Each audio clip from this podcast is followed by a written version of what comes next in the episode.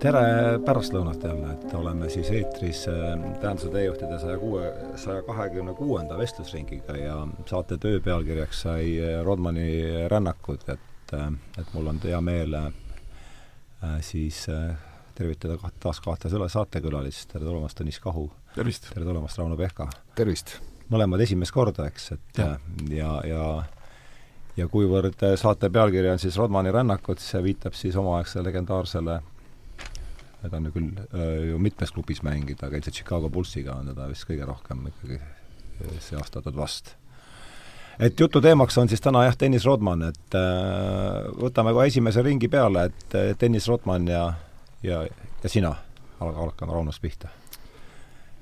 no mina kust sa tead ja mis, mis tuleb esimesena ette? eks see... esimesena tuleb ikkagi ette et võib-olla see, see hetk, kus, kus teda pildist sai näha ja, ja see seostub mulle eelkõige ikkagi Chicago Bullsiga mm, -hmm. kuid, kuid kuskil, kuskil mingi, mingil hetkel ma hakkasin lugema erinevaid raamatuid ja üks nendest raamatutest oli ka Detroit Pistonsi kahest järjestikusest tiitlivõidust mm, -hmm. kus väga suur osa oli oli Dennis Rodmanil. ta võitis siis seitse, mitu korda ta üldse tuli NBA meistriks? no nüüd, nüüd minu meelest ta tuli kõik korrad Chicago Bullsiga, siis kui ta läks viis korda peaks olema viis korda peaks olema, kaks Detroitiga ja kolm korda siis Bullsiga. Ja vahepeal, vahepeal ta mängis ka San Antonio Spursis kaks hooaega. noh, algselt oli tal Detroitis vist, ma ei tea, mitu hooaega ta seal kokku mängis, aga noh, seal põhimõtteliselt vist oli kolm. Mm, -hmm. kolm hooaega, kuigi tal oli pikk leping seal. Mm. -hmm ja noh, ma mäletan ka, et üheksakümnendate alguses või noh, ütleme sellel aja, ajavahemikul tuhat üheksasada kaheksakümmend kaheksa kuni tuhat üheksasada üheksakümmend neli, noh, mul õnnestus kuus korda viibida turneedel Ameerika Ühendriikides erinevate, erinevate korvpallimeeskondade koosseisus mm. -hmm ja noh, siis seal olles me tegelikult nägime ka mänge, mida kas nägid elusast peast ka teda või? elusast peast teda ei näinud, aga aga noh, mänge nägime, kus, kus ta oli osaline ja ja noh, siis veel siin neid mänge nagu näha ei olnud kuskilt mm. -hmm et noh, need on need esimesed mälestused. aga võtame esimesed mälestused Tõniselt ka siis, räägin, kus see üldse mõte kaugelt peale hakates oli, oli selline aeg ju, et tähendab, Nõukogude perioodil ilmselt tänu sellele suurele seeriale, mis oli Kanada hokiproffidega, kirjutati hokimängijatest, Nõukogude ajakirjandusest küll, ka nende NHL-i liigadest. Aga mis vaikiti täiesti maha kui näide Äh, sellisest profispordi kõige inetumast poolest oli NBA, seda praktiliselt ei olnud ühtegi uudist Nõukogude ajakirjanduses, teadsin mm -hmm. mingite klubide nimesid, aga kindlasti mitte kõiki, ja noh, näiteks terve kaheksakümnendate perioodil ei olnud ühtegi piiksugi. Äh, ja mis on kummaline, sest et äh, noh, selle kohta võib muidugi Nõukogude Liidus näiteks muusika kohta ka tuua näiteid, et vaatamata mm -hmm. sellele, et nad olid kolmanda maailma sõbrad, oli näiteks popmuusikast ajakirjanduses kirjutamine väga rassistlik oma toonilt mm. -hmm. ja nad ei rääkinud siis mustanahalistest profisportlastest ka midagi. kuni siis tuli eh, taasiseseisvumine ja siis muidugi just Kesktelevisioonist hakati üle kandma eh, hakati üle kandma NBA ka NBA mänge nagu eh, tagantjärele hommikul. see oli, noh, üksik mäng oli välja valitud, ma ei tea, ma ei usu, et see oli iga päev. see oli näiteks korra nädalas ja siis oli niimoodi, et esimesest poolest tehti äh, kerge ülevaade, teine poolega näidati tervelt, ilma muidugi nende reklaamipausideta ja noh, nüüd tehti selline toode.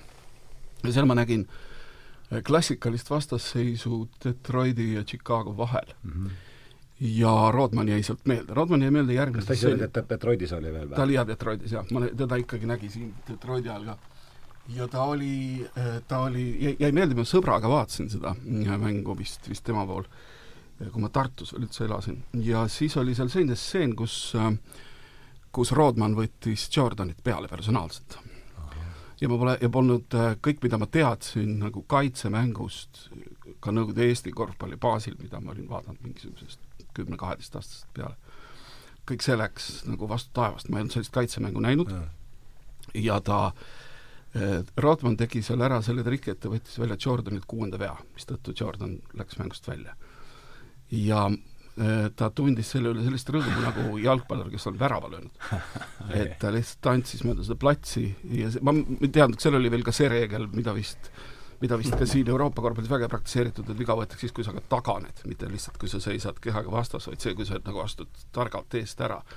ja Jordan läks seal millegi õnge, nii et see oli Rodman, see, see oli esimest korda ma nägin, esimest korda ma nägin mingisugust teistsugust stiili, korvpallimängu stiili. või noh, üldse spordistiili, sest sinna juurde käis nagu isegi sellest natuke kokku kokku nagu kontsentreeritud ülekandest käis kaasa ka seda sellist välisstiili ja, ja mingisugust noh, kogu see NBA tollal oli põhiliselt ikkagi selles, et ma sain nagu aru küll, miks temast Nõukogude Liidu ajal väga räägitakse, ta oli hästi jõuline ja ikkagi kohati väga vihane ja, ja valus tundus olevat see mäng mm. -hmm. aga Rodman sobis sellesse ja ja hiljem juba ma sain nagu rohkem teada, nii et minul oli eh, noh, ütleme veel nagu ajalooliselt on ju nii, et eh, et see oli osa sellest David Sterni suurest projektist viia NBA maailma. see oli tema see, selle NBA pealik siis? jaa, NBA pealik jah, ja, ja, ja kusjuures NBA reputatsioon oli erakordselt halb ka Ameerikas, see oli seotud kokaiini ja kihlvedude ja noh, kogu selle mm, -hmm. kogu selle maailmaga kaheksakümnendatel ja siis Stern asus ka seda puhastama, kuni siis jõudis kätte see globaalne aeg ja globaalne globaalne NBA tähelend, mille, mille, ilma milleta meid siin saates ka ilmselt ei oleks, on kindlasti seotud Chicago ja Jordaniga mm,. see mulle ja, ja mõnevõrra Detroiti oli nagu raskem müüa, kes oli sellele vahetult enne. Detroit valitses, no ta jõudis kaheksakümmend kaheksa, finaali üheksakümmend oli ka veel meister. aga et, ähm, et vot Detroit oli natukene selline, selline nagu radikaalsemat sorti tiim, Bad Boys, nagu nende hüüdnimi oli, Jord-, Rodman oli sellest osa.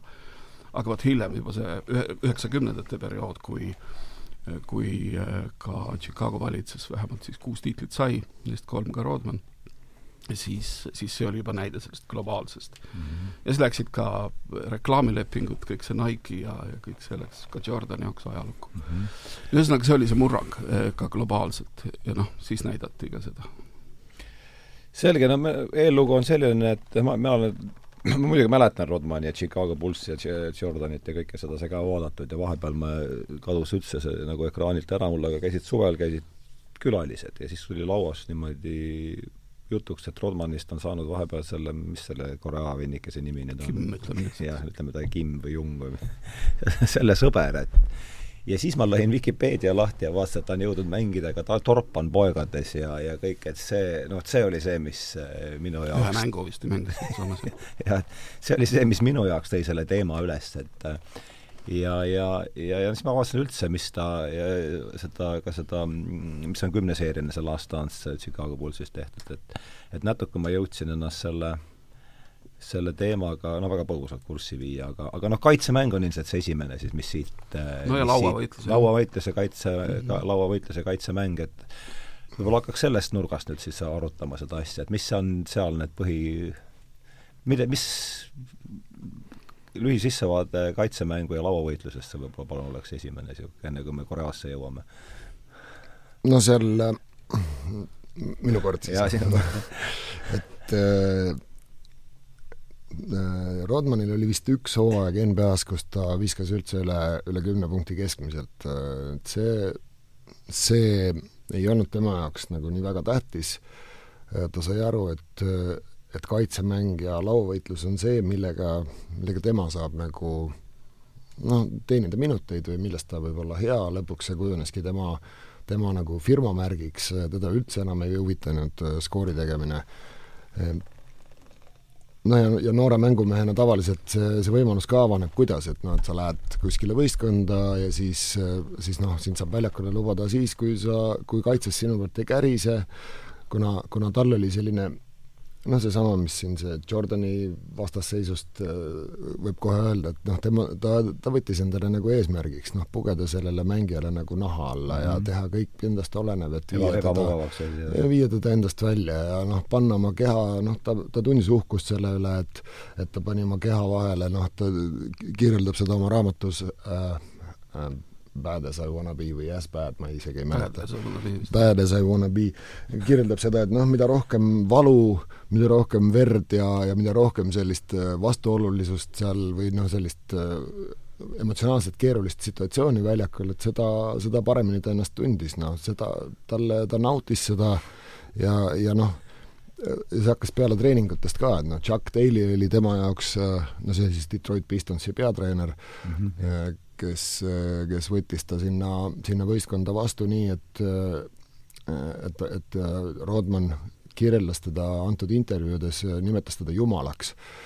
Tema oli jumal ja siis sealt edasi ta muudkui rääkis, et kuidas jumal, jumal ja noh, ta noh, see oli me, inimene, keda ta nagu usaldas, tema ja, ja noh, kaitse, kaitsemängu ja lauavõitluse juurde tagasi, et noh, see, sellest äh, lauavõitlusest noh, ta, ta nimetas paljude mängijate kohta seal raamatus ka niisugused read, et et noh, keegi, et noh, kõik on sellised ründemängijad, noh, tahavad, tahavad silma paista, tahavad olla sellised, nagu NBA tahab, tahab, et nad oleksid sellised ja ja keegi ei taha nagu kaitses mängida ja keegi ei taha seda musta tööd teha, noh, ta nimetas tavavõitlust ja kaitsemängu, et ta on nagu ta on nagu äh, korvpalli, korvpallis, et kui seda mingi teise tööga võrrelda, et siis see on nagu see on nagu haua, hauakaevaja.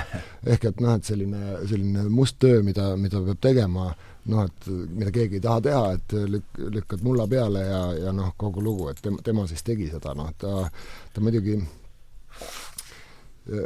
no ühel hetkel, no siis oli noh, ühesõnaga ta hakkas seda nautima, ühel hetkel, ühel hetkel, kui oli kõne all tema üleminek äh, San Antoniost äh, Chicago Bullsi, siis, äh, siis Phil Jackson ütles selle kohta ka nii, et et noh, et nad, neil olid mingid kahtlused, kuna need treenerid, kelle käe all ta oli mänginud, kippusid rääkima nii, et ta on, ta on väga isekas mängija. noh, justkui, justkui lauapallid võiks olla tegelikult üks kõige vähem isetu asi korvpallis mm -hmm., noh, statistiliselt, mida saavutada, noh, et on mängijaid, kes annavad resultatiivse söödu selleks, et annavad ainult siis, kui on näha, et sellest tuleb resultatiivne sööt, mis kajastub nende protokollis ja mis pärast kajastub palgalehel, eks, samamoodi on, lauapallid on nagu kõigile saadaolevad asjad, mida kõik võiks minna ja võtta, ei noh, et kui viskad punkte, siis võib öelda, et ma võtsin palli ja viskasin punkte ja viskasin sada korda mööda, aga viskasin ikkagi punkte ja lõpuks ma olen noh, sellega teenin oma raha, eks.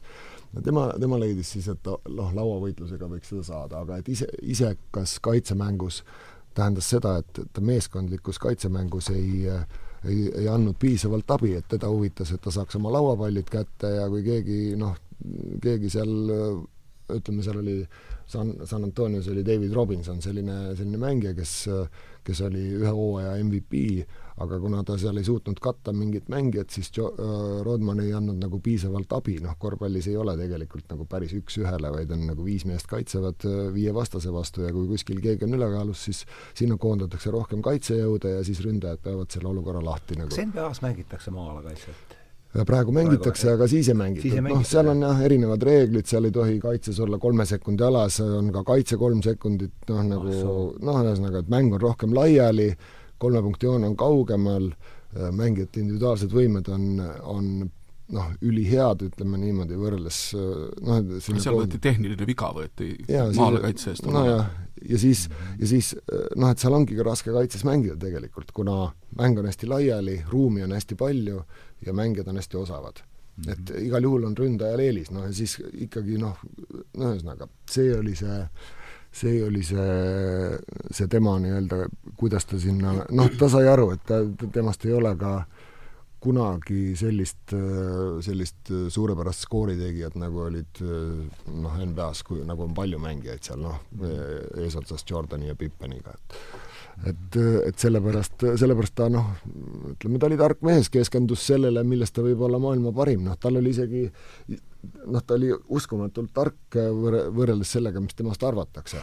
no noh, tal oli noh, peale selle, et noh, laua võitlemiseks on on noh, tõenäosusteooria, et kui visatakse väljaku nurgast, et kuhu pall tõenäoliselt põrkab, kui ta mööda läheb, või kui visatakse otse korvile, et kuhu ta võib minna, põrgata, kui ta mööda läheb. ta teadis ka oma, neid mängijaid, et kui need oma mängijad, et kui, kui see mängija viskab, viskab, et kui ta mööda viskab, siis tendents on, et pall kukub mingis sellises suunas ja ta oli juba seal enne, kui, kui kui noh asendi valimine. jaa, kohavalik ja siis, ja siis teine asi on, no ta ütles, et ta oli nagu noh, et kuidas korvpallis see laua võtmine käib, et kui sa oled ründelauas, ehk et sinu võistkond ründab, siis on sul keegi kaitsemängija, kes proovib sind nagu korvialusest eemal hoida, et sa ei saaks lauda minna, ja tema nagu püüab siis sinna lauda nagu järgi minna pallile.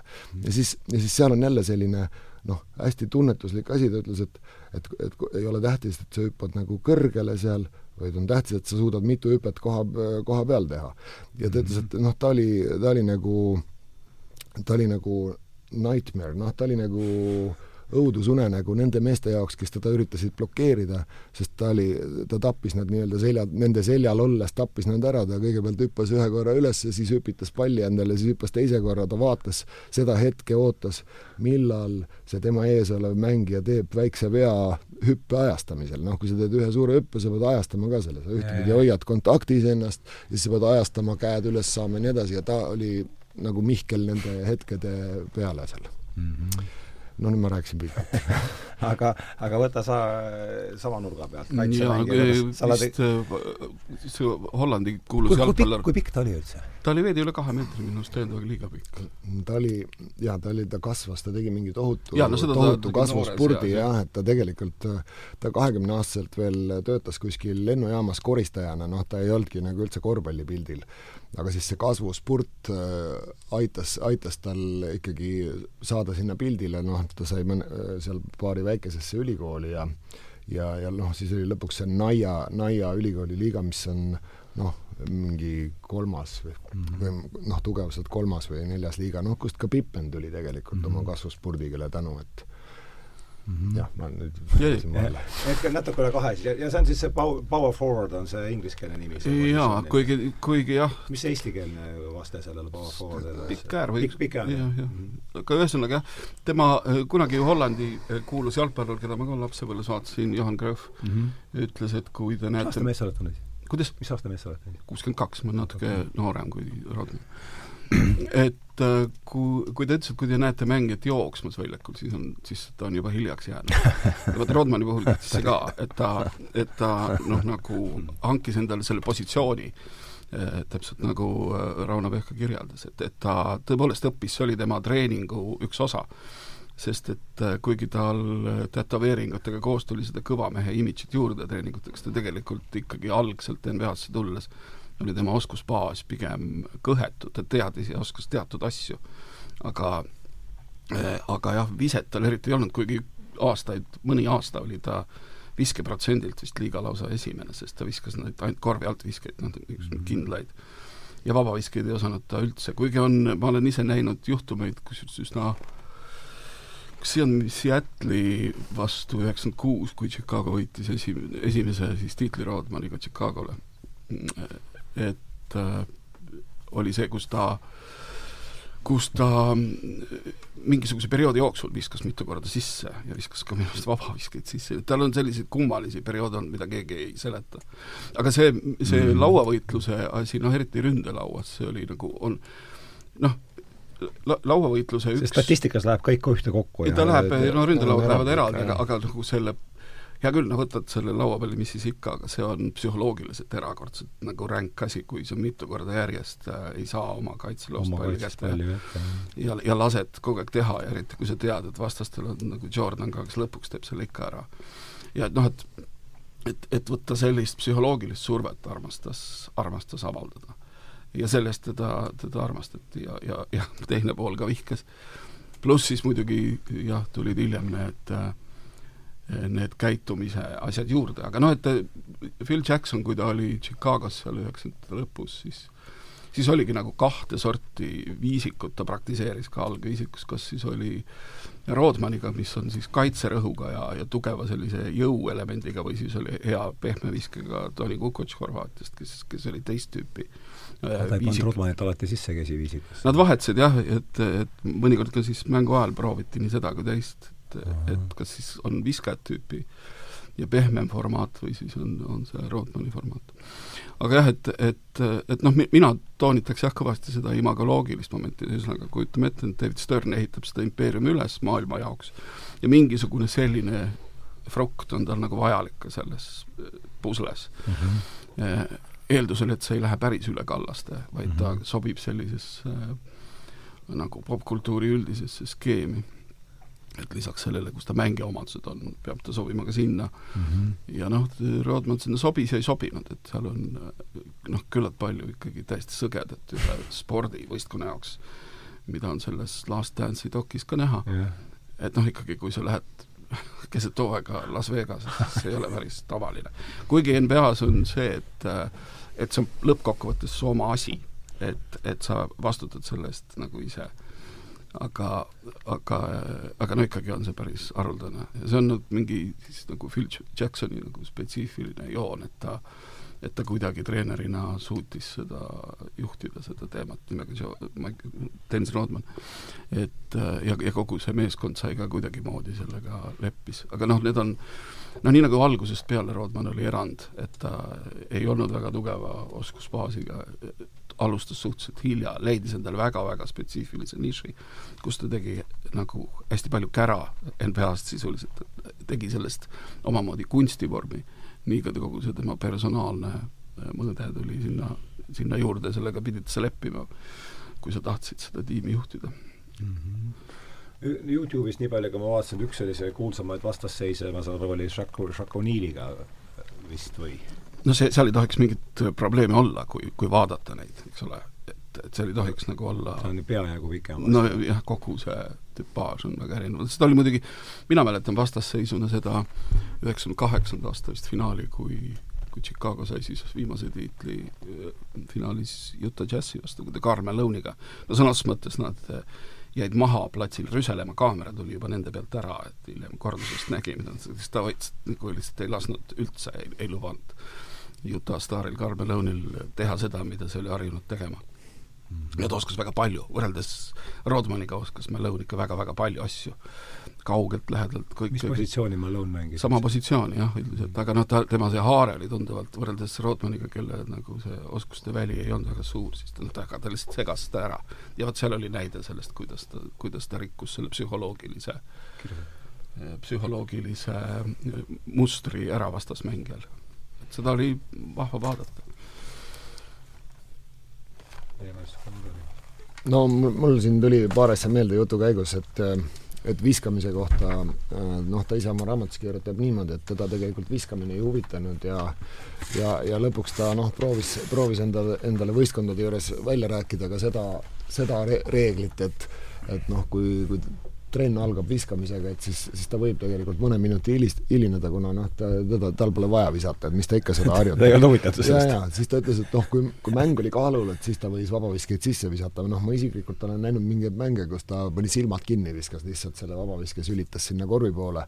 no et äh, ta tegi nagu, nagu selliseid asju, positsioonidest rääkides, äh, siis ta alustas tegelikult väikse ääre koha peal, ta oli nagu kerge, kerge ja väikse ääre ja siis, ja siis hiljem, hiljem oli ta nagu selline noh, nimetatakse undersized, noh, et nagu veidi alamõõduline power forward ehk, ehk et siis suure jaa, kui ta oleks päris puhas vist äh, number neli olnud, ega ta ei oleks Jordanit äh, saanud mängus võtta.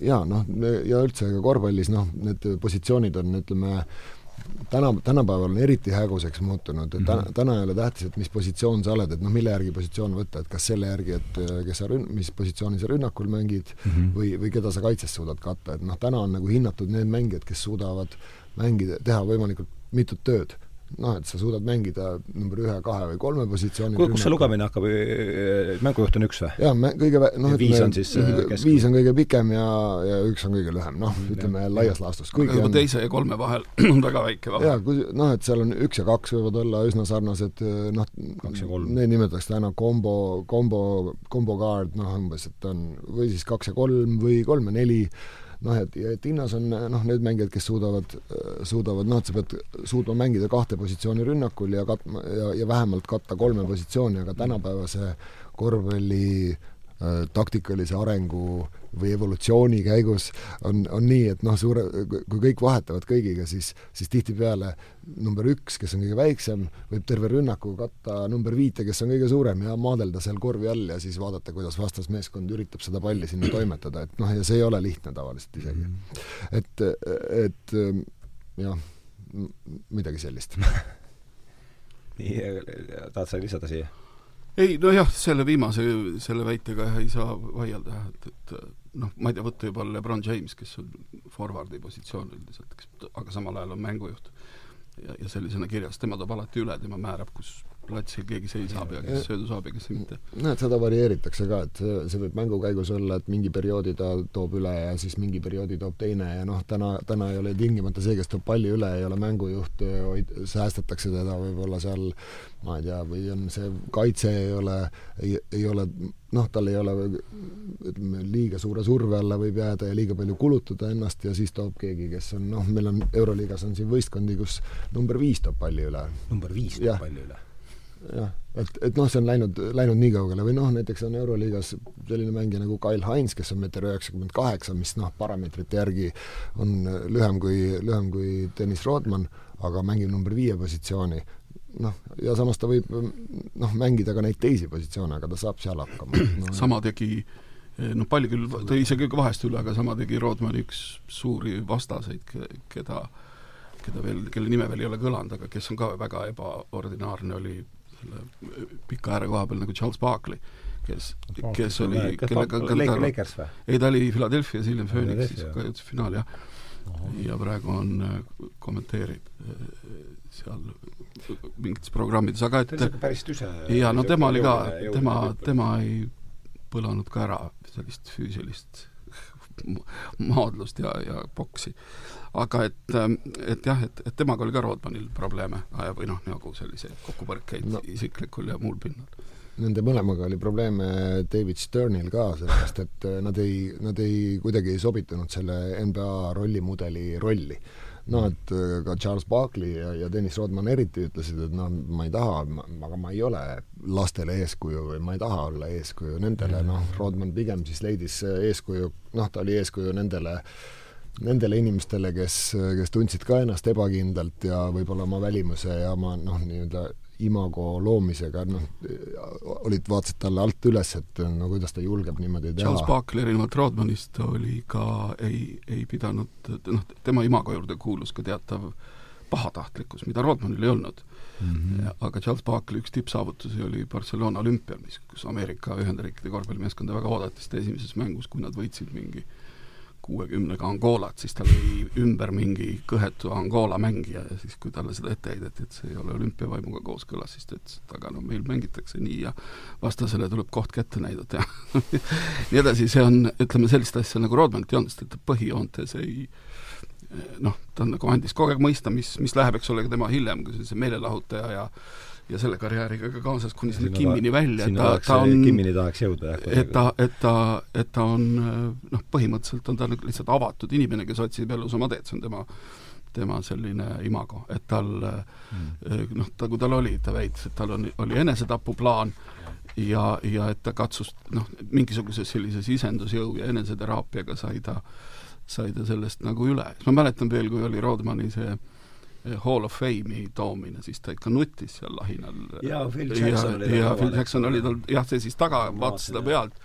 Ja siis tema perekond oli sellest, ta rääkis oma selle loo, mis, mis seal raamatus on ilmselt ka, et kogu sellest äh, eba, eba, mittefunktsioneerivast äh, Ameerika mustanahalise perekonnast, mis on omamoodi klišee, aga, aga paraku tõsi väga paljudel juhtudel seal ja siis ta, ja siis ta, siis ta oli väga emotsionaalne seal, no nagu arvata on, et see on üsna oluline asi seal. aga et, et tema selline noh, nagu avatuse aste oli, oli tunduvalt teine. et ta pigem oli see, mida nimetatakse popkultuuris triksteriks mm, -hmm. no ta tahtis, ta tahtis natuke vinti keerata või noh, natuke rikkuda tuju, natuke seda siit ja sealt kasutada oma iseenesest ju piiratud oskusi võrreldes sellega, mis NBA-s näha oli, kasutas ta lihtsalt äh, väga targalt ära. aga et, et tal ei ole noh, temast ei, ei johtunud kuidagimoodi mingisugust sellist noh, nagu tigedust, mis muide spordiväljakul Rauno Pehka võib seda kommenteerida teistmoodi, et ta on kindlasti kohtunud ka mingisuguste nagu mängijatega, kes on muidu nagu tigedavõitu aga võivad tunduda platsil, et, et temal seda imagoloogilist momenti minu arust ei olnud, nagu mõnel teisel, kes NBA-s, kes ilmselgelt tulid sinna kehtestamaks, leidsid, et maailm on neile midagi võlgu ja ja tulidki haiget tegema, noh seda oli ka näha, kui seda vaatasid. see on hea mõte muidugi, tuleb, tuleb sul endal oma mängijakarjääris mingi niisugune ka, just kaitsemänguga seotud episood ükskõik kummalt poolt, kas ise ründajana, ise kaitses, mingi selline no ei, mina, mina ka ikkagi proovisin kaitses, noh see oli no see oli kindlasti üks, üks eesmärk, noh, kui oli, noh, ma ütlen, et siis oli see võib-olla rohkem isiksuste põhine ja oli küll selliseid mänge, kus ma võtsin pähe, et nüüd on vaja see mängija on vaja nagu mängust välja saada, aga noh, ma ei olnud ka kunagi selline noh, enda kohta tuleb muidugi nii öelda, aga noh no, et mis ma oma väikese kehaga seal korvpallis, et kellele ma ikka nii väga nagu saan haiget teha, eks ole, aga lihtsalt oma sellise järjepidevusega kleepud külge ja, ja noh, nagu häirid igal hetkel ja ei lase sinna saada palli, kust, kust ta tahab saada või noh, minu, minu mingisugune võib-olla kuidas ma ütlen, no mingi asi, mida ma arvan, et mul, mul õnnestus palju teha, oli see, et ma suutsin, kui pall, mäng, mängijal oli pall käes, ma suutsin seda suhteliselt tihti või no ikkagi keskmiselt tihedamalt, ma suutsin sealt käte vahelt selle palli ära lüüa, mis jällegi noh, tekitab vastases sellist äh, ebamugavustunnet, kuna, kuna noh, ta peab rohkem tegelema sellega, kuidas varjata oma palli, eks, et no või no midagi sellist, aga, aga jaa, eks see on selline, selline no on, ma pidasin sellise natukene ikka ülemäära agressiivse mängijatüübi all silmas tegelikult seda, et et, et on mängijad, kes saadavad sõnumid, et nad mängivad juhuslikult seda korvpalli siin,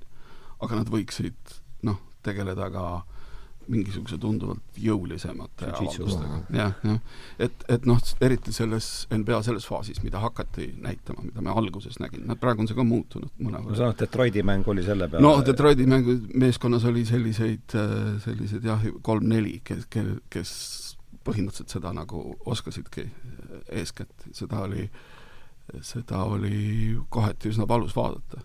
ka selles Last Dance'is on näha, Jordan on ikka pikali alailma, et seda praegu äh, seda praegu ei näe, kus vist seal korvialuses alas ei tohigi enam kätt külge panna reeglite järgi. noh, noh kuskil noh, noh tegelikult seal ikkagi pannakse ja, ja tehakse kohati päris selliseid jõhkraid vigu endiselt, aga aga seal on mingi, mingi reeglistik, millega noh, mille peensustega ei noh, ei alati ei ole kursis. et mõnikord need vead tunduvad nagu väga ebasportlikud, aga tegelikult siis nad kuskil nagu justkui hoiavad ka, et noh, teevad suure kõva vea ära, võtavad ümbert kinni, tundub, et noh, nagu aga siis nad nagu hoiavad, et päriselt keegi vigastada ei saa, et noh, nagu mingi selline perioodil üheksakümnendate keskpaigast kuni kahe no, tuhandendate alguseni oli, visati mängus kuskil play-off'is mingi siis neljakümne kaheksa minutiga mingisugune seitsekümmend viis punkti näiteks see praegu visatakse poolajaga nagu küll võib-olla mitte play-off'is. noh, siis on ikka ründaja poole läinud kaldu. jah, see on ründaja poolele kaldu. no reeglid on, reeglid on jah, selles mõttes äh, kohtunikud, ütleme Euroopa, Euroopa mäng on nagu jõulisem, kui on NBA mäng mingeid jõulisi vigu seal korvi all tehakse, aga noh, NBA-s on äh, need protsendid ka või, või tõenäosused välja arvutatud ja seal on hästi palju nüüd läinud rõhku kolme punkti visetele, mis äh, noh, et pigem mõned võistkonnad mängivadki nii, et parem visata kolme punkti vise, kolm korda viskad, viskad peale, ühe korra saad sisse, see on sama hea kui kui, äh, kui kaks korda või noh, ütleme, kui nende kahestega ja kaheseid on raskem visata, seal on mängijad noh, nii-öelda, et seal nad, nad mõtlevad seal kogu aeg, kuidas reegleid muuta nii, et et pealtvaatajatel oleks huvi, kui visatakse vähe punkte, siis pealtvaatajatel pole huvi, siis rääkida ajaloos, ajaloos seal jälle uutest rekorditest ja asjadest, et see kõik nagu noh, muutub igavaks ja ah, et võitlus on ja pusivad seal, aga noh, tegelikult see ei meeldi inimestele ja noh, eks siis käib kogu aeg selline mõistatamine, mis inimestele meeldib, et noh mm -hmm., kui nüüd visatakse palju punkte, siis inimesed tahavad, et et no tahaks, et rohkem võitlust oleks mm -hmm.. noh, kui läheb võitluseks, siis tahaks, et rohkem punkte viskaks. kui tihti neid reegleid niimoodi korrigeeritakse? see iga aasta mingi väike reeglimuudatus ja, ja ikka iga aasta on. Noh, erinevaid kuigi asju. nad katsuvad seda mängu muidugi mitte väga radikaalselt ka ümber teha, aga, aga aja jooksul on need muutused olnud noh, päris suured võrreldes sellega, kui siin on ka kolm, kolm kohtunikku või? jaa, see on ammu aga noh, et jah, et, et, et praegused ka nagu ikkagi staaride hulgas, ma ei tea, ma praegu ei hakka kõik pilg-, noh, peast läbi laskma kõike, aga ütleme selliseid selliseid Rodmani mantlipärijaid on ka mängijate hulgas, aga aga nad ei ole nii esil või noh, nende kogu elustiil ei ole ka esil, et ja, ja noh, neil on seal see võib-olla, võib-olla rõhuasetus on teist tüüpi staaridel. see on, NBA on staarisüsteem, üsna üsna suletud staarisüsteem. ja, ja tegelikult kuigi ühtpidi, et ma nagu vahetan võib-olla natuke praegu suunda korvpalli juurest imagoloogia poole veel, et kuigi, et kuigi Ehm, noh, see, see nagu staaridega sobiks, see, et sa otsid kohta või tunnetad ennast, kes sa nagu üldse oled mängu kaudu, eks ole. siis äh, ega, ega neid liiga palju ka ei ole olnud, kes seda on teinud, vot Rodman on päris kindlasti see, kes on ka avalikult rääkinud sellest, äh, kuidas ta nii mängus kui ka väljaspool mängu, kuidas nad on mingis mõttes tervik olnud, ja kuidas ta samal ajal siis, äh, siis noh, nii-öelda loob ennast, otsib ennast ja, ja määratleb ennast. Et, et neid mängijaid on, on veel, aga just nimelt selliseid staaritüüpe, aga noh, näiteks seesama Charles Barkley seda ei ole kunagi teinud või noh, tal on tal oli noh, hästi palju suur kehtestusvajadus, aga tema, tema kogu selline noh, muu imagoloogia ei ole nii, nii noh, ka nii ennast analüüsiv võib-olla olnud, kui, kui võiks arvata, aga mõne mängija puhul, või noh, muidugi näiteks siin Euroopas olevad mängijad, nende puhul see ei ole üldse teema, Ameerikas on see, on see kindlasti mm, -hmm kindlasti noh, väga, väga selgelt teema ja väga selgelt esile, aga neid ei ole ka liiga palju. Ja Rodman on kindlasti üks, üks erilisemaid näiteid sellest, noh ta ikkagi ikkagi on nagu, nagu mõelnud, kes on Rodman, mitte ainult selle raamatu piirides, vaid ta noh, noh, juba siis, kui ta üheksakümne kolmandal aastal see, noh, seda ei saa nimetada enesetapukatseks, aga ta lihtsalt mõtles, et kas see üheksakümmend kolm oli või? see oli üheksakümmend kolm jah, see oli enne Chicagot. ja muidugi, kui Chicago ta võttis aa, see oli seesama, mis seal filmis käib enne San Franciscot isegi. San Antoniot.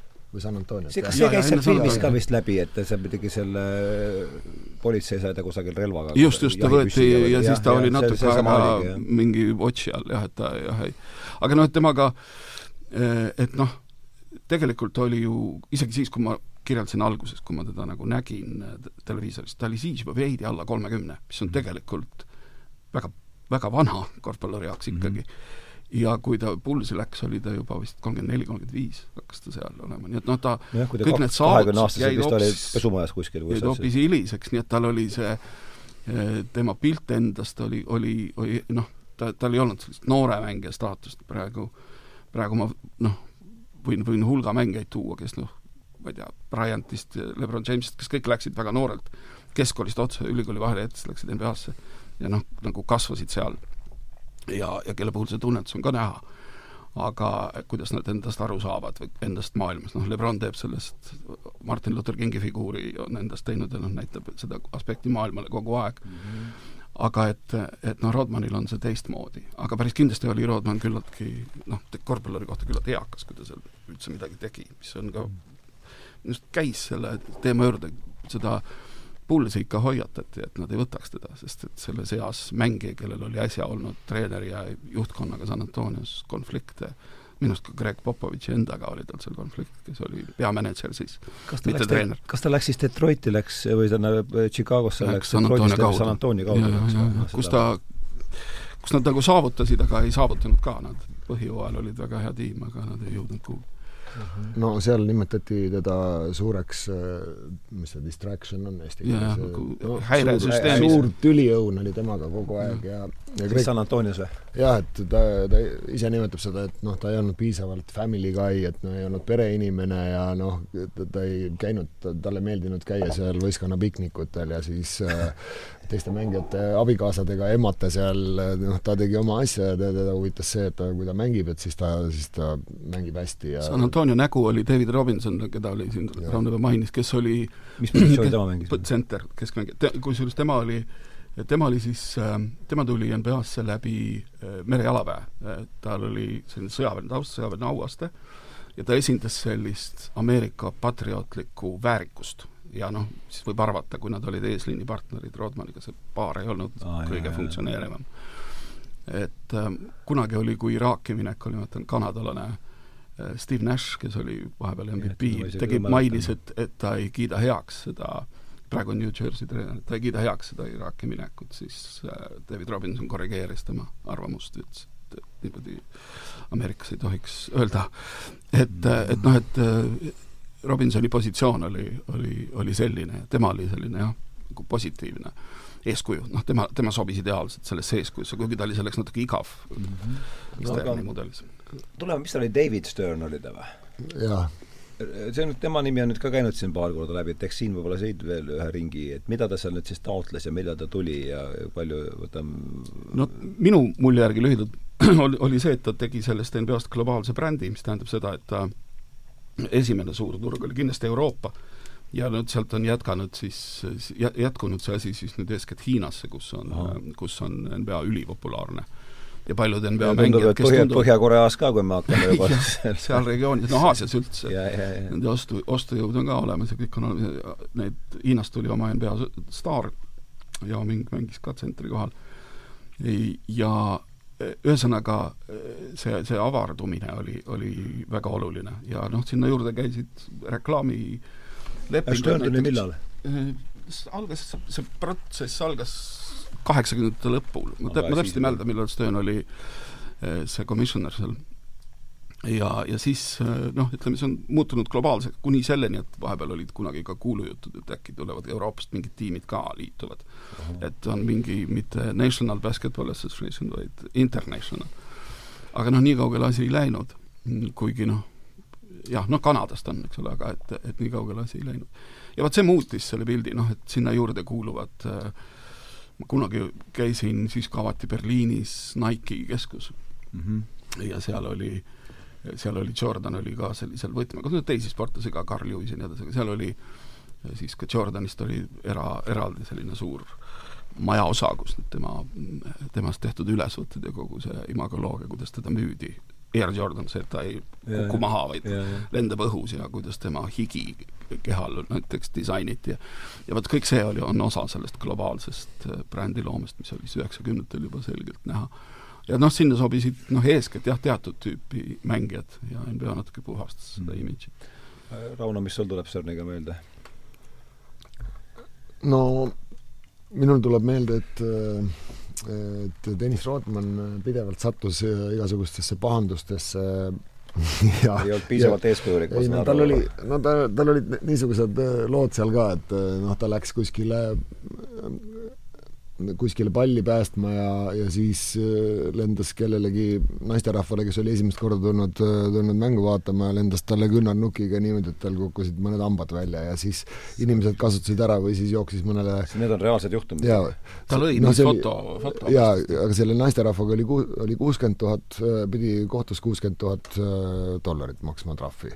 ja, ja siis oli, fotomees ta lõi ka ja see, see intsident läks üks koma üks miljonit talle maksma, sest ta pidi üksteist mängu vahele jätma ja noh, seal oli kõvasti, kõvasti ta lõi vist seda, jah? jaa, jaa, no jooksis otsa, siis lõi.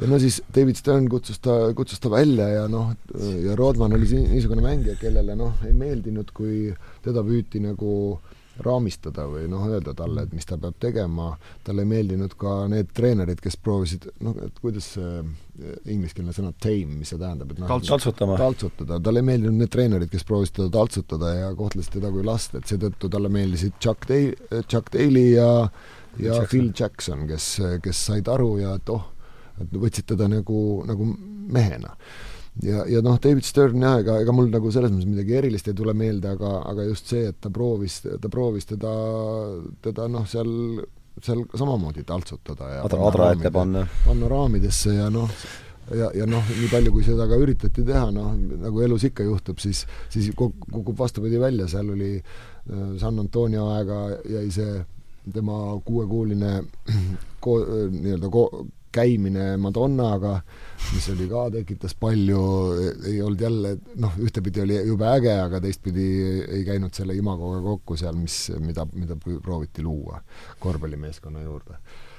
pioneeridel ei olnud midagi sealt võtta? nojah, see on kõik noh, küsimus oli jah, millist publikut tahad saada, kes, keda tahetakse mängudele tuua, eks ole käiakse peredega või ei käida, kas seal ja, ja ikkagi antud juhul see kas te, kas te olete kumbki, olete NBA, NBA mängu käinud vaatamas eh, elusast peast?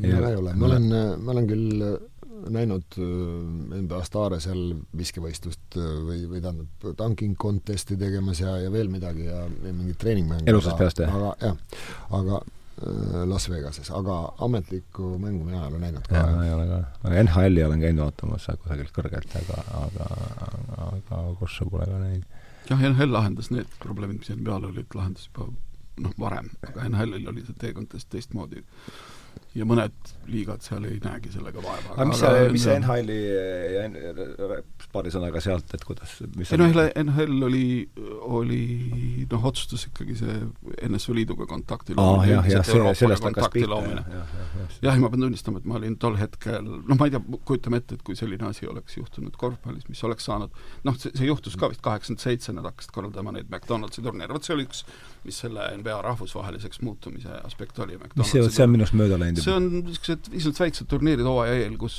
kus äh, Euroopa staaride NBA meeskond kohtusid, vist kõige esimene oligi NSV Liit mängis vist Milwaukee Bucksiga. sai suurelt, suurelt, suurelt tappa selle, aga noh, mõte oligi neid kokku viia, siis järgmine aasta oli vist Jugoslaavia koondis Bostoniga ja noh, nii edasi, seal olid sellised sellised, mis tol hetkel oli väga suur asi, aga noh, NHL tegi selle ära juba siis, ma olin ja kümne aasta, ma mäletan, et ma olin selgelt ikkagi Nõukogude Liidu poolt. ikkagi neile ei antud mingit võimalust.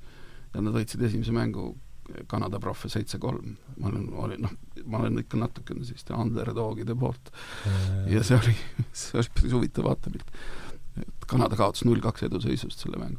nii et, äh, nii et noh, korvpallis ilmselt prooviti ka, aga et, et seal ei oleks see asi nii hästi välja kukkunud, sest et tasemevahe oli ikka suur. ja noh, aga tuleb arvestada, et kui tänapäeval on informatsiooni kõige kohta, siis tollel ajal keegi ei teadnud, mismoodi neid kas või selle NSV Liidu hokikoondisega mängida mm.. ja, ja siis muidugi hiljem juba, siis kui see Atlanta treener Mike Fratello NSV Liiduga korraldas kohtumise vahetult siis enne Seuli olümpiat, mis kindlasti aitas kaasa sellele, et NSV Liit poolfinaalis USA-d võitis. Tiit Sokk oli koondises jaa, seal oli selle Atlanta Hawksiga oli kolm kohtumist. kolm kohtumist ja, ja üks ja, vist NSV Liidule läks ka. jaa, ja siis oli ka see, et, et Tiit Sokk ja vist kas kolm mängijat või kuus mängijat käisid, käisid treeninglaagris Atlantas. pooltiimist jah, kuus vist oli. Atlantas käisid, olid treeninglaagris seal ja et noh, see, senised senised ju NSV Liidu ja USA äh, korvpallikontaktid põhiliselt olid, äh, olid NSV Liidu meestekoondise turneed USA üliõpilasmeeskondade vastu. jaa, see München seitsekümmend kaks, eks noh, seal no need jah. olid koondiste omad, aga ma mõtlen noh, üleüldiselt hooajas keskel vist tehti väike mhm. paus, jah. seal tihtipeale ja noortekoondised ka, noh, minul, minul õnnestus NSV Liidu juunioride koondise liikmena kaheksakümne kaheksandal aastal käia turneel seal ja, ja siis me mängisime tulevaste NBA staaride vastu seal nagu Robert Horry ja Alonso Mourning, Sean Kemp, no niisuguste mängijate vastu. Ja me võitsime ka seal, need olid nagu osariikide, osariikide sellised äh, selektiim, noh, koondised mm -hmm. pandud kokku ja, ja, ja seal meil oli üksteist mängu, millest me seitse võitsime. No..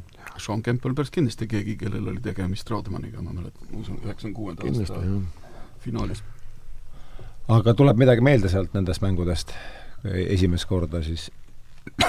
Millal sul jänkide vastu, millal sa esimest korda mängisid? ei no see oligi kaheksakümne kaheksandal aastal jaa, ja siis me, siis me käisime Kalevi meeskonnaga seal, seal mängimas äh, oli kuu, Six Five and Under, noh, mingi, mingi meeter üheksa, ma ei tea, mis see on, meeter üheksakümmend viis ja alla selle, selline liiga oli seal. ahah, eraldi liiga, jah? jaa, eraldi liiga, et kõige pikem mees oli üheksa, ühe, noh, meeter üheksakümmend viis, äh, seal oli ka endiseid NBA mängijaid, noh, sealt tuli George Jackson meile siia, siia meie, noh, toimus mängijate vahetusi seal ja tema tuli siia siis äh, Tallinna Kalevisse, siis me käisime paar, paar-kolm korda käisime turneel nende võistkondade vastu, siis me käisime üliõpilaskonverentsi vastu ja siis korra ma olen käinud ka Läti, Läti koondise nime all olen käinud ka turneel USA-s.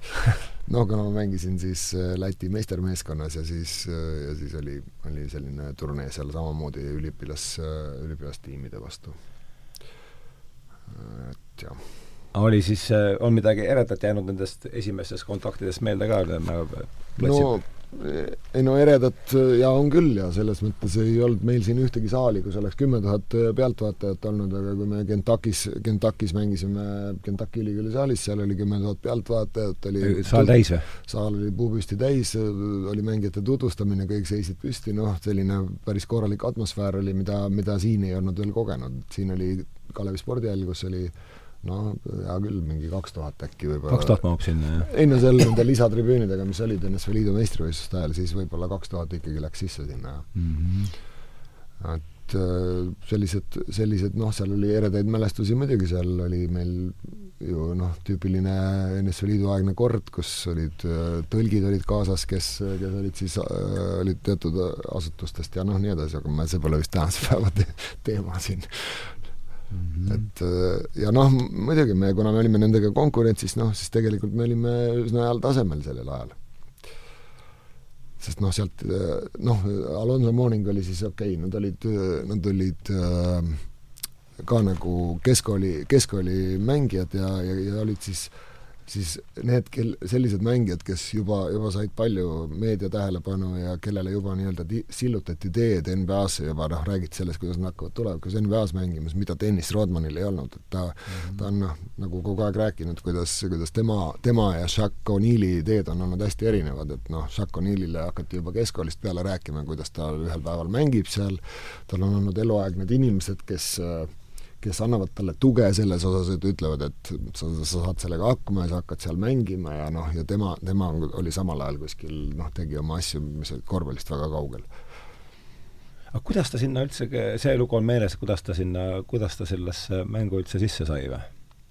ma, ma ei ole ise ta meeleolugu lugenud, et nii palju, kui ma seda filmi ta käis äh,, Tõnis Roodman, no ta käis äh, ta käis kuskil, kuskil noh, tema õed vist mängisid korvpalli ja olid, olid nagu üsna, üsna head mängijad ja siis äh, nad soovitasid tal minna kuskil, noh, kuidas seal ülikoolides on, ülikoolide jaa, väikse ülikooli katsetele ja ta saigi, noh, ta oli mm. siis kasvanud suureks, ta sai sinna ülikooli nagu sisse, aga aga esimese semestri järel tuli ta sealt ära, sest noh, teda prooviti väga raamidesse panna ja, ja kooliga ka ja ta tuli sealt ära ja ta ei tahtnud enam korvpalli nähagi, kui, kuid noh, jutt temast oli läinud liikvele ja siis, siis selle, selle järgmise ülikooli, see oli vist nüüd ei mäleta nime täpselt, aga, aga selle järgmise ülikooli treenerid olid tulnud, tulnud talle koju teda otsima. ja ta ütles, et ega kui ta oleks teadnud, et keegi tuleb, ta ei oleks, ta ei oleks siin, ta tahtnud minna, aga kuna ta oli kodus ja ta tegi ukse lahti ja nad astusid uksest sisse, siis, siis nii see läks. ja noh, ja siis sealt, sealt sai ta nagu nagu tuule tiibades, see oli natuke madalam liiga, ta oli seal äh, lauavõitluse kuningas ja, ja viskas punkte ka ja ütles, et noh, inimesed polnud näinud niisugust mängijat nagu tema, tema oli ja noh, midagi väga, väga eredat ta tegi seal, aga noh, kuna see oli madalam liiga, siis sellega ei kaasnenud mingit meediakära ega mingit suurt tuntust ja raha juba teenis seal tõenäoliselt midagi seal? ülikoolides ei teenita ei raha, jaa.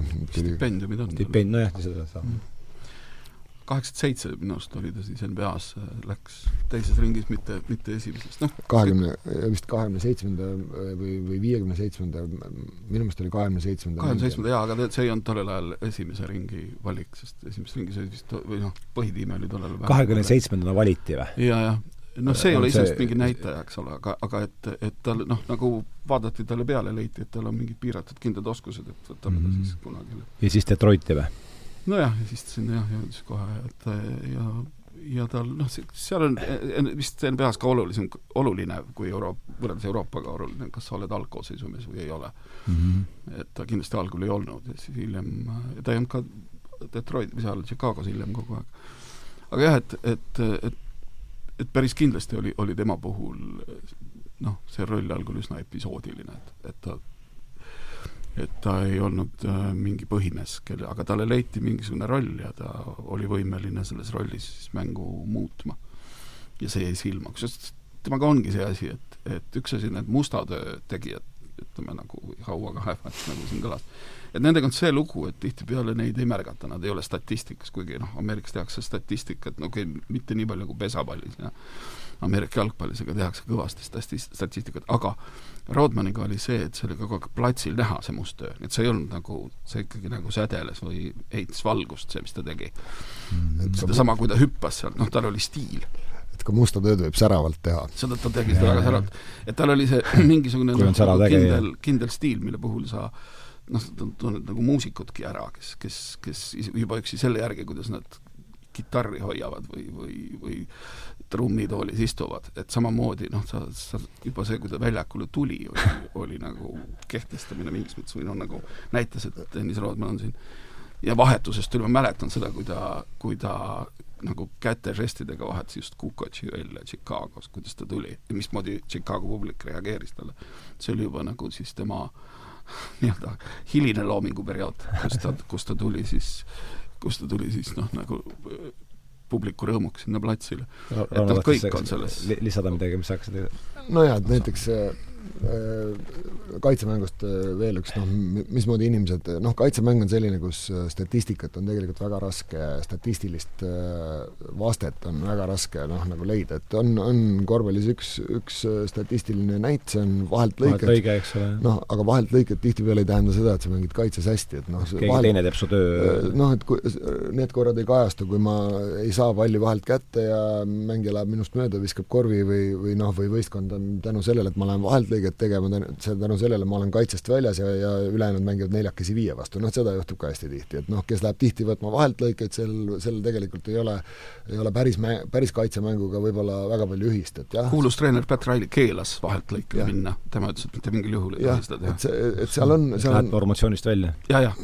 noh, et on mängijad, kes loevad hästi mängu ja need saavad hästi vahelt lõikeid või nende käte reaktsioon on hea või ta loeb, loeb, mida näiteks, kui sa oled palliga, mis sa proovid teha ja ma panen käe sinna ette, kuna ma loen sind hästi, aga kui sa tuled otse mulle peale, siis ma ei suuda sind pidurdada, noh et selliseid olukordi on.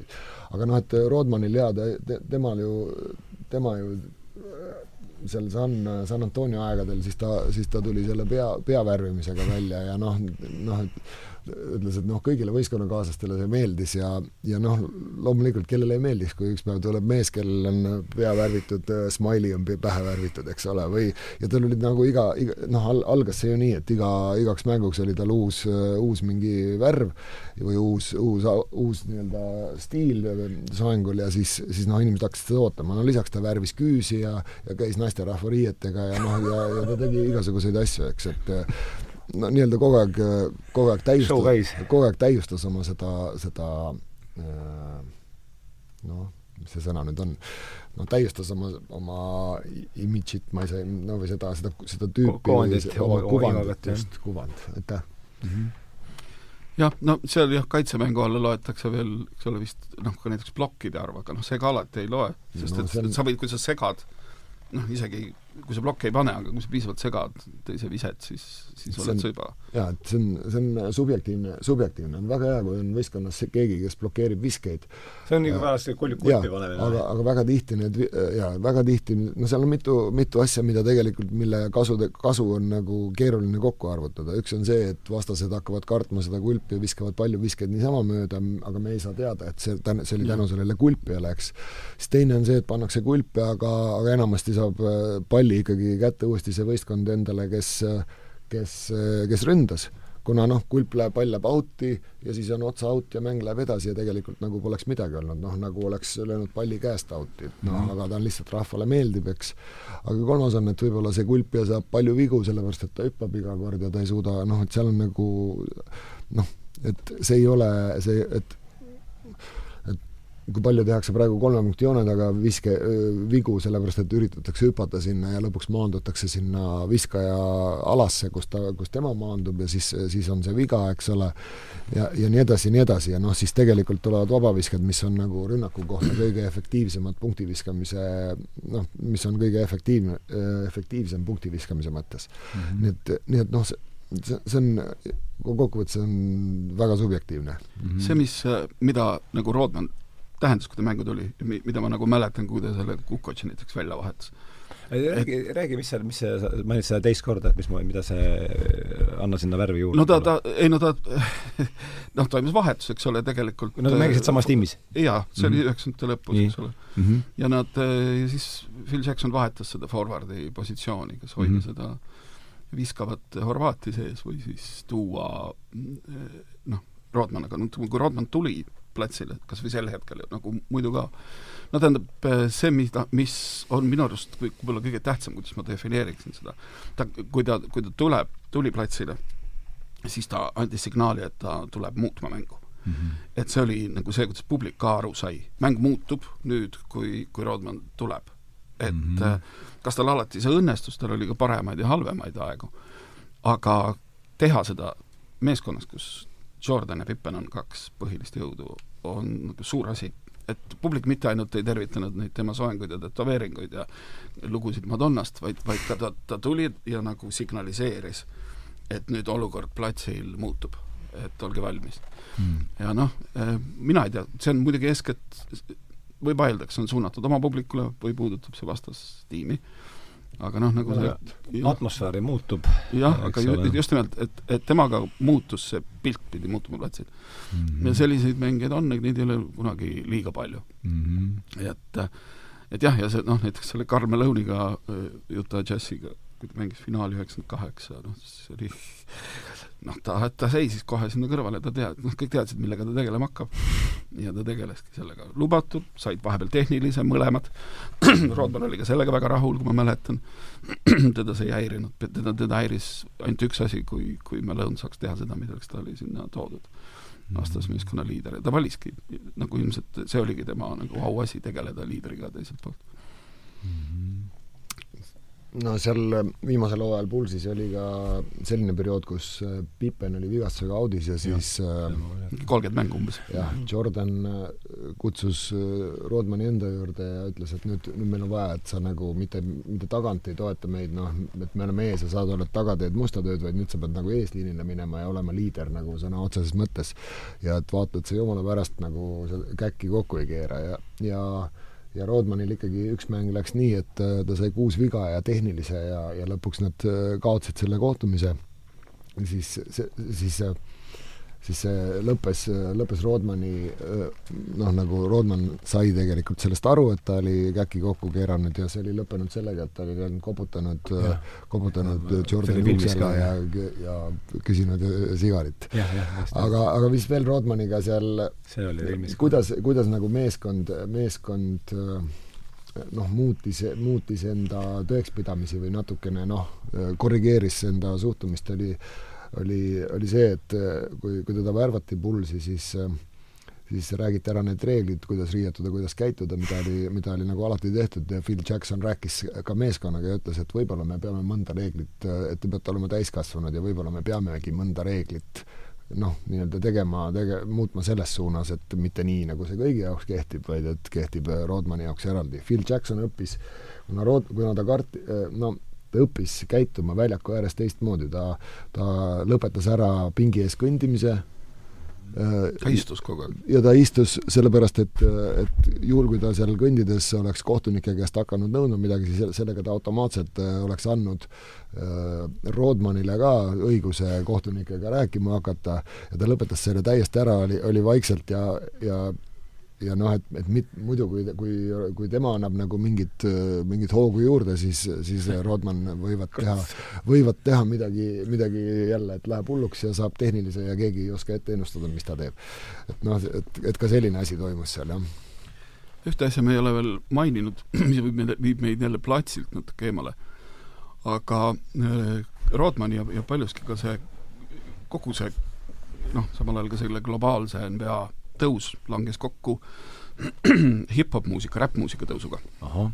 ja seda muide, seda muide on ka maininud Phil Jackson, et, et ta on katsunud ennast viimasel ajal kursis hoida, sest et ta kuuleb noh, põhimõtteliselt mida tema mängijad klappides kuulavad ja mis on, ma ütlen, Public Enemy, ühe läbi ajaloo parima hip-hop ansambli plaadil vist üheksakümmend või kaheksakümmend kaheksa ka pöörduti Charles Barkley ja veel mõne mängija poole või noh, tekitati see link ja see, see seos selle muusika ja, ja kogu selle välise stiili, kogu selle noh, mida nimetatakse ka vahel sõnaga bling ja kogu selle stiiliga eh, oli kindlasti ka eh, Rodmanil olemas, kellel on minu arust, kes on ka eh, ise räppmuusikat teinud, silmapaistvalt vist ta ei ole eriti mainimisväärne võrreldes Shaq O'Neal'iga, kelle, kelle lugu ei ole üldse paha oh,. O'Neill on teine ja, ja terve plaadi muidugi, aga see põhilugu sealt oli minu arust päris hea. ja siis, et, et, et see seos on noh,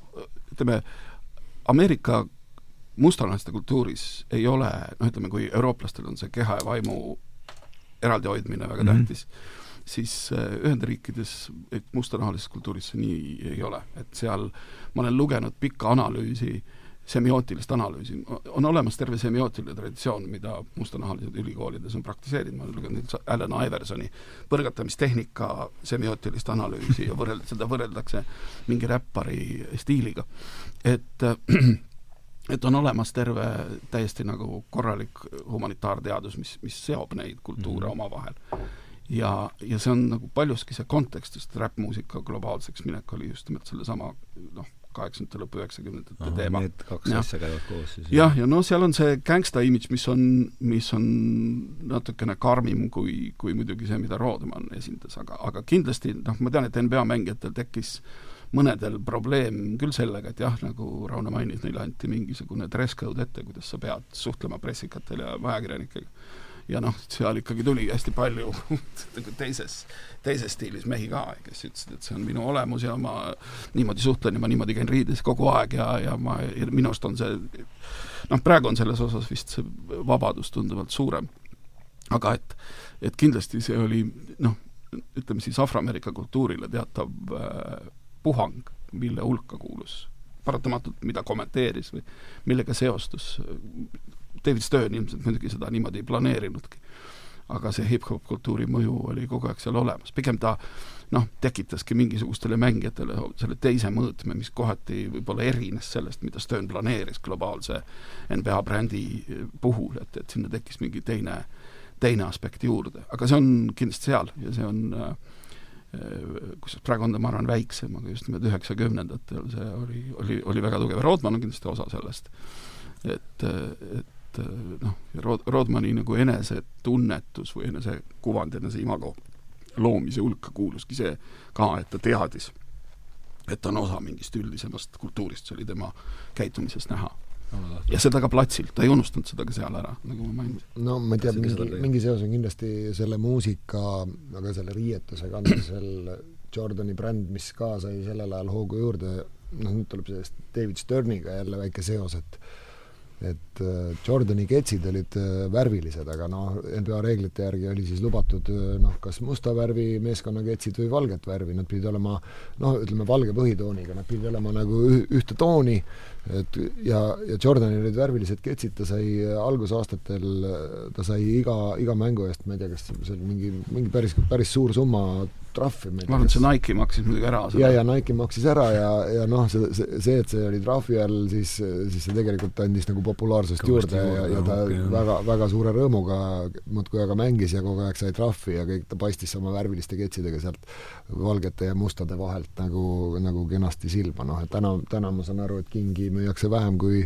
kui, kui selliseid spordi, spordijalatsite moodi jalatseid, mida, mida inimesed kannavad siis nagu see tuleb ka kuskilt sealt ajast koos selle muusikastiili ja kõige riietamisega. aga meil on nüüd tund aega läbi, et tunnike veel, vähem kui tunnike ees, et võiks hakata nüüd äh, vaikselt sinnapoole suunama seda juttu, et mis tast siis pärast seda hooaja lõpetamist sai ja kuidas ta sinna kuidas, kuidas ta selle Kimmiga ikkagi sõbrunes, see on äh, minu jaoks äh, oli see, mille, kuidas see saade üldse, saate mõte üldse pihta hakkas. jah, aga no aga äkki, äkki, äkki sa pakud ise, mis su teooria on sellistel puhkudel?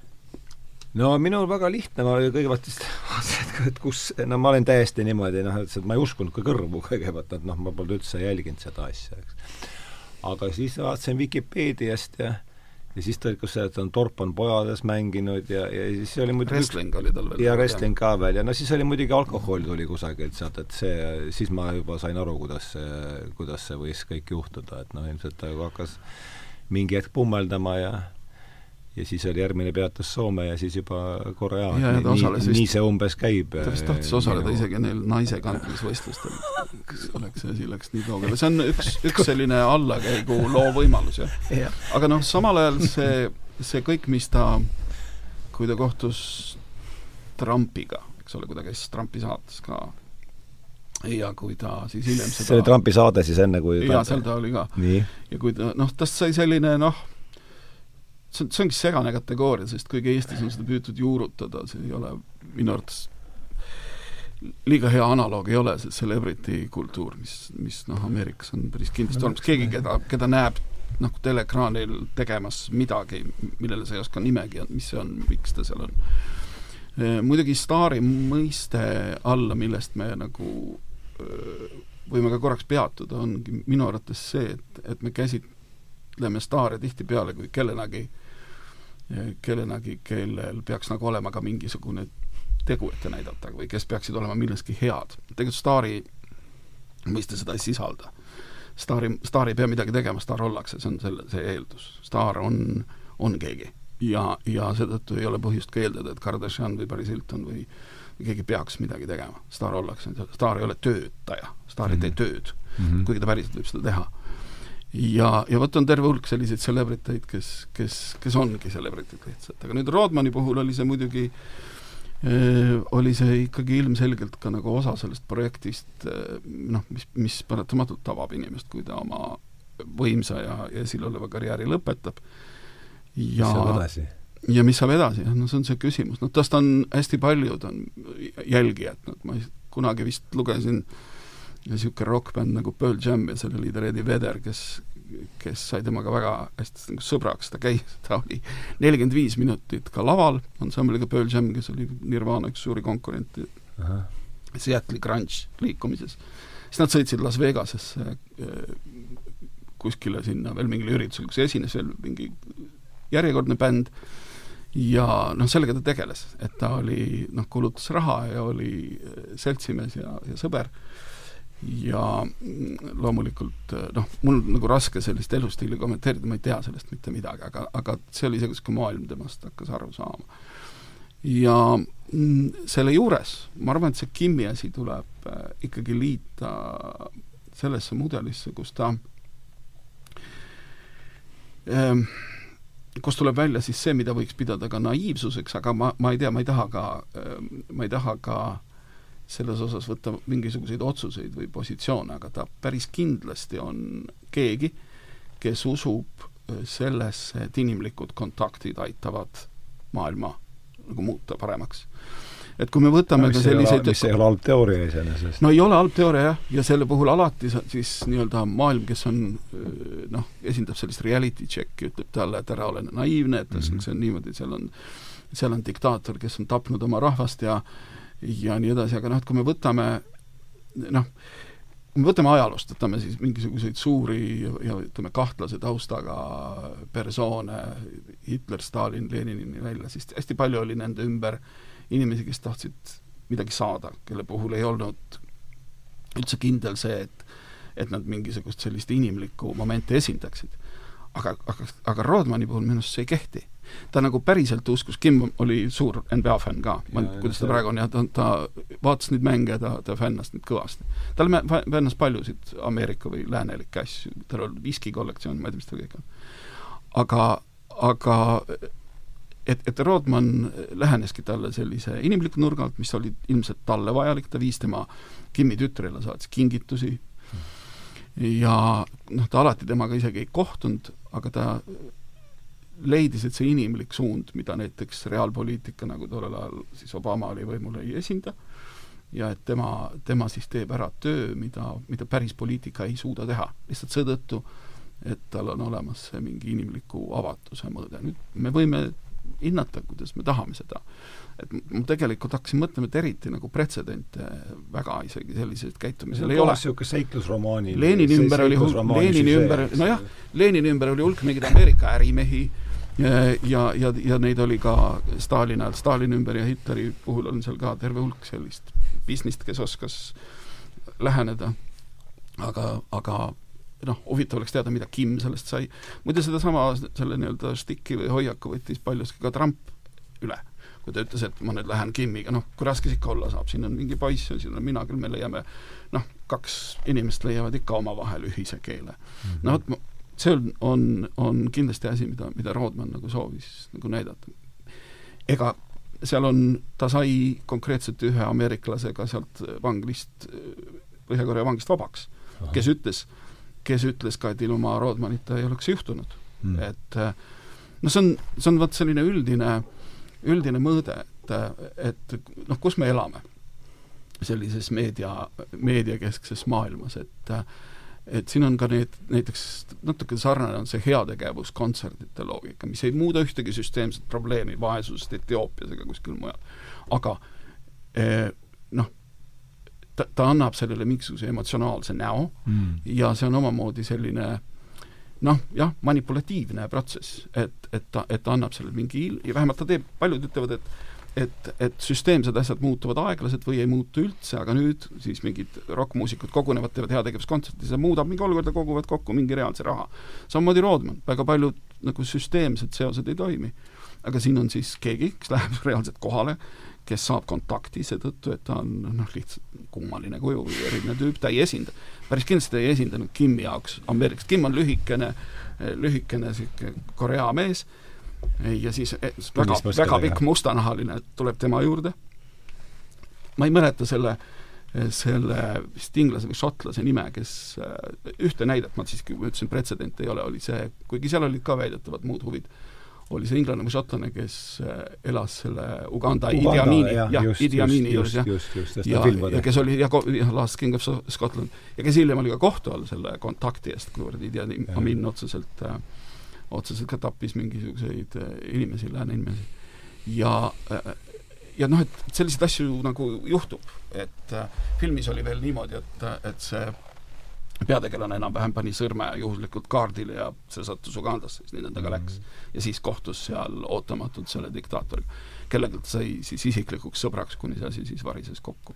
siin mingit kokkuvarisemist ei ole, aga nagu küsimus on siis selles, kuivõrd me usume seda, teades nüüd nii palju, oleme Rodmanist rääkinud, teades seda põhilist nagu, seda paatost, kas see on võimalik või ei, ma ei oska öelda. mis sul tuleb meelde äh, selle no ega ma olen äh, selle teemaga kokku puutunud äh, meedia see raamatus oli see lugu? ei, seda ei olnud, see on ikka hilisem jah, et äh, mis aastal see võis olla? no kui Obama oli võimul, siis ta tegeles sellega, eks ole, noh, siis see on selle, see kümnend, isegi nüüd eelmine kümnend tähendab. kaheksa kuni kaks tuhat kuusteist siis. jah, kuskil seal, no kas jah, kas ütleme sajandi, sajandi esimese kümnendi lõpp või nii umbes? no ma kujutan ette, et see oli ikkagi üsna, üsna lõbus, lõbus ettevõtmine kokkuvõttes, et no ma ei tea, kuskilt mul on jäänud meelde, et oh, seal ma ei tea, kas äh, kuskilt meediast, et noh, et seal ikka ikka, ikka sai, sai võetud. ma mäletan Vikipeedias oli lause, mis pani minu jaoks kogu selle asja konteksti, keegi sõber ütles, et, et ta jõi rohkem kui kunagi varem ja. seal Põhja-Koreas jah, see, seda muidugi näiteks ka seda saatis mingisugune nagu ajakirjanike entourage tal, et ikkagi seda, seda nagu jälgiti, selles mõttes oli see meediasündmus, aga see, tema põhipositsioon oli see, et äh, olukorras, mis maailmas on, tuleb hoida inimlikku kontakti. see on, see võib olla erakordselt reaktsiooniline ja, ja kahtlane lubadus, aga noh, küsi-, ma ei tea küsimus, et kas, kas ta ise mõtles välja selle või noh, või teda, teda võeti sinna selleks tüübiks, kes, kes võiks sobida sinna, kes oleks vastuvõetav ma just arvan, et seal ei olnud ke-, keegi, kes teda oleks millekski võtnud. ma arvan, et see oligi tema puhtalt enda, seda ta on, sest seda aspekti, see käib nagu kaasas sellega, minu arvates sellest, vähemalt sellest üheksakümne kolmandast aastast, kui tal see enesetapumõte väidetavalt peas käis, on tal kogu aeg see moment olnud selliselt, ära lase ennast kellelegi juhtida, tee seda, mida sa tahad, ära kuula siis seda David Sterni, ära kuula isegi oma tiimi, tee seda, mis sa tahad, noh, okei okay,, seal on kokkulepped ja nii, ja see Kimi juurde minek oli üks sellest projektist, kus ma arvan, et ta et ta selles mõttes, ma usun, et tema positsioon oli siiras, et, et äh, et tal oli nagu, ta harrastas väga, no ütleme, diplomaatiat selle baasil, mida ta oskas. ta nägi, et seal on see diktaator on korvpalliarmastaja, NBA armastaja kursis sellega, siis ta, siis ta otsustas talle selle kaudu mõjuda, sest tal oli mingi võim. mingisugune mõju talle, noh, mitte võim, ütleme siis mõju.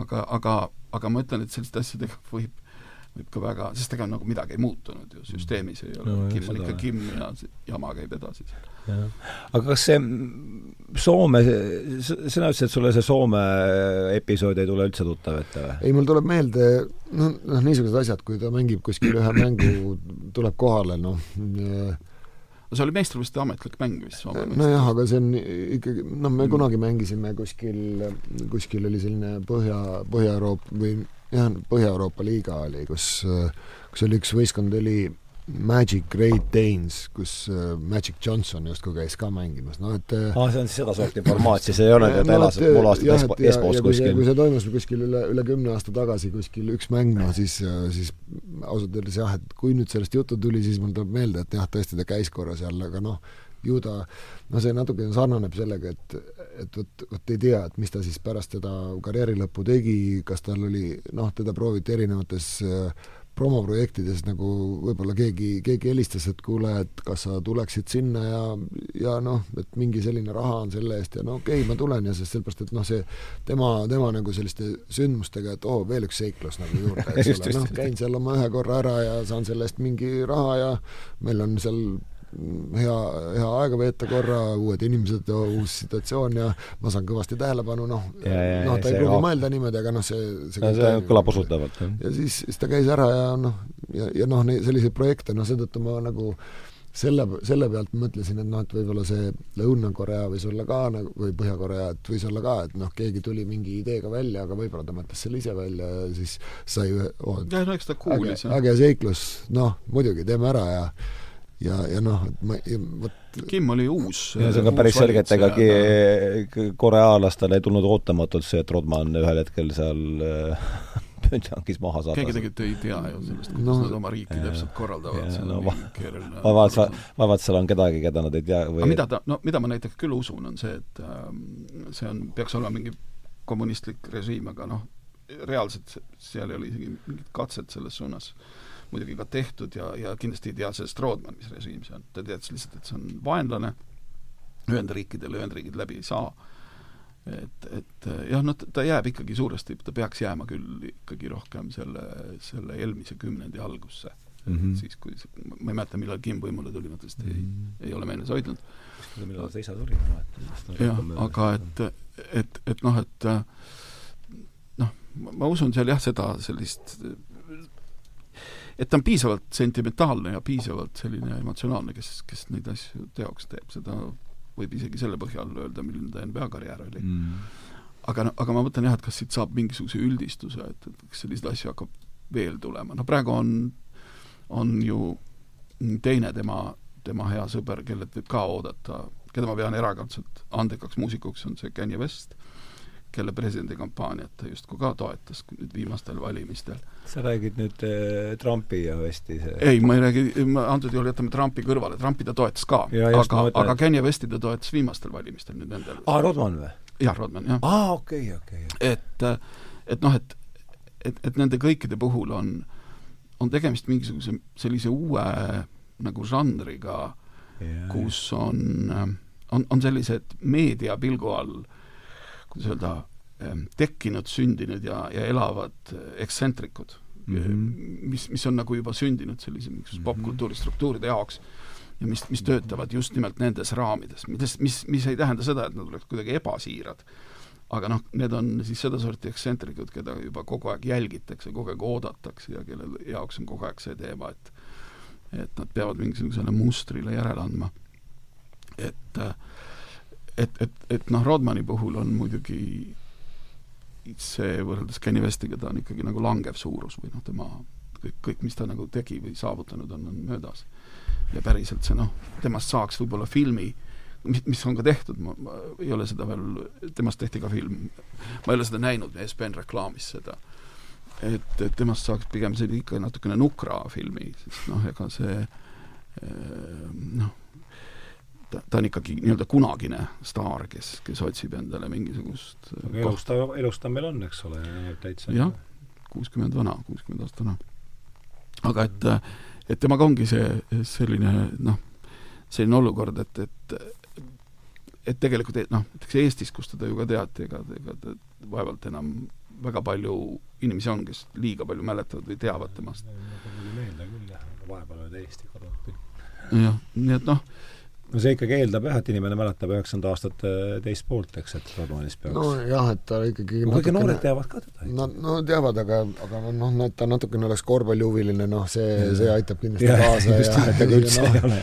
ja, ja no ta on arhetüüp jah, korvpalli mõttes ta ongi, ta kehtestas mingi no, teatava arhetüübi, kusjuures sinna tuleb ka siis mingi kogus seda seda emotsionaalset äh, sõgedust ja niisugust siir-, siiras, siirusele vähemalt pretendeerivat sõgedust tuleb juurde aga noh, et äh, noh, kokkuvõttes ei tundu ta ka selle NBA brändiga eriti palju konfliktis olevat mm, -hmm. et sellise aja jooksul on NBA suutnud ära seedida või sisaldada seda tüüpi tegelasi ka.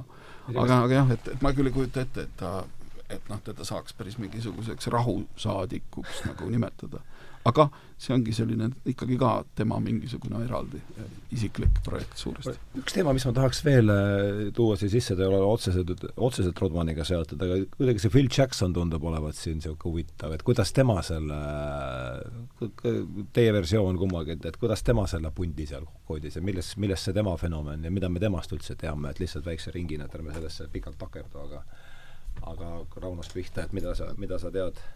No tema, temal oli see, tema oli, kui ta ise oli mängija NBA-s, ta oli selline mida ta mängis, äärt või? no mingid pikemat, pikemat tüüpi mängijat, ma ei, ma ei oska täpselt, ma pole kunagi näinud. ilmselt Rodmani positsioon, ma arvan. jah, aga, aga tema oli ka natukene selline mässaja tüüpi, mässaja tüüpi mees. ja äh, ja, ja noh, tema kuskil nende õpetussõnade hulka või, või käivad, et et ära väga palju sekku nende mängijate noh, ära, ära hakka neid, ära püüa neid nagu liiga palju parandada, et anna nõu ja, ja, ja siis hoia, hoia eemal ja vaatle. noh, et mm -hmm. mitte ära liiga palju, liiga palju sekku ise. ja ja noh, Rodmaniga, kui, kui teda sinna Chicago Bullsi võeti, siis, siis Rodmaniga tal oli, tal oli selline selline kohtumine, kus, kus ta luges need võistkonna reeglid ette ja siis, siis ütles, et ega noh, Rodman oli küsinud esimese asjana kohe, et palju ma raha saan ja ja, ja noh, siis, siis ta ütles, et kui töö on, noh, meil, meil nagu me maksame siin ikkagi nagu sellise produktsiooni eest või töö eest, mis sa mm, -hmm. mis sa mhm. suudad teha, et aga et ära muretse, et sa ei jää nagu hätta, kuigi Rodman oli elus niisuguseid lauseid juba palju kuulnud no aga, aga noh, ta kuidagi usaldas äh, Jacksonit ja, ja siis, ja siis Jackson ütles, noh, kuna ta, noh, ta tegeles sellise zen asjaga ja tal noh, jaa, ta oli selline noh, tal olid sellised äh, meditatsioonitunnid oma, oma, oma NBA staaridele, noh. kas ta üritas Rod-, Rodmani sai ka vaikuses istuma või? no ta, noh, Jackson ise ütles selle kohta, et et noh, minu jaoks vahet ausalt öeldes ei olnud, et noh, kui nagu nad jäid magama enamasti seal selle et las magavad või aga noh, et see, see nagu liitis, liitis midagi selline zen, zen suhtumine, selline noh, nagu rahu, rahulik suhtumine, äh, see nagu liitis neid ka mingil määral või noh, ta, ta oli nagu, erines teistest sellega. ja siis, et ja siis, kui see kohtumine neil parasjagu pooleli oli seal, siis, siis ütles, et noh, et ega ega Rodman nagu noh, väga, väga jutukas ei olnud, et ega meil ei olnudki midagi väga rääkida, aga aga siis ma arvasin, et noh, oleme seal, oleme seal selles kabinetis koos lihtsalt. siis nad olid vaikides koos seal ja ta ütles, et noh, ta arvab, et see, et see koosolemise mõju nagu, nagu, nagu ka mõjutas Rodmanit siis, et noh, et, et see töö saab tehtud ja nii edasi. et no selline, selline küsiti Phil Jacksonilt veel siis lõpuks, kui noh, oli Rodman juba tulnud võistkonda ja ja et, et noh, et kas midagi on üllatanud ka Rodmani juures.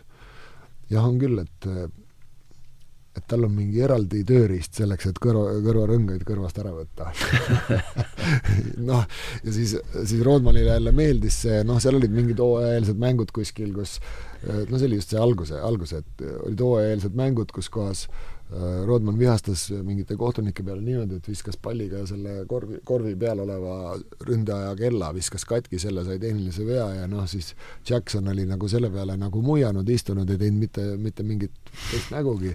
Ja siis Rodman rõõmustas, et ta on ikka väga lahe, et noh, näed, et ta on, ta on ikkagi, saab inimestest aru ja, ja suhtub minusse kui mehesse ja ei teinud mitte mingit midagi nagu ei hakanud siin laamendama ja võtnud väljakult ära, noh nagu noh, ühesõnaga neil sobis omavahel ja, ja siis, kui ta seal oli see äh, Basketball Hall of Fame'i see kõne, siis oli Jackson oli tal ju seal selja taga, eks? kas sa oled näinud seda? Äh, jah, kuskil, aga, aga mitte nüüd ei vaadanud tänase saate tarvis, ei vaadanud uuesti üle seda. jaa, ma ka ei vaadanud, aga siis ja ma ka ei vaadanud, aga mul suvel siis, kui see mõte tuli, jah Jackson oli jah, nagu ta-, taustal seal eemal jälgis seda väikese muigega.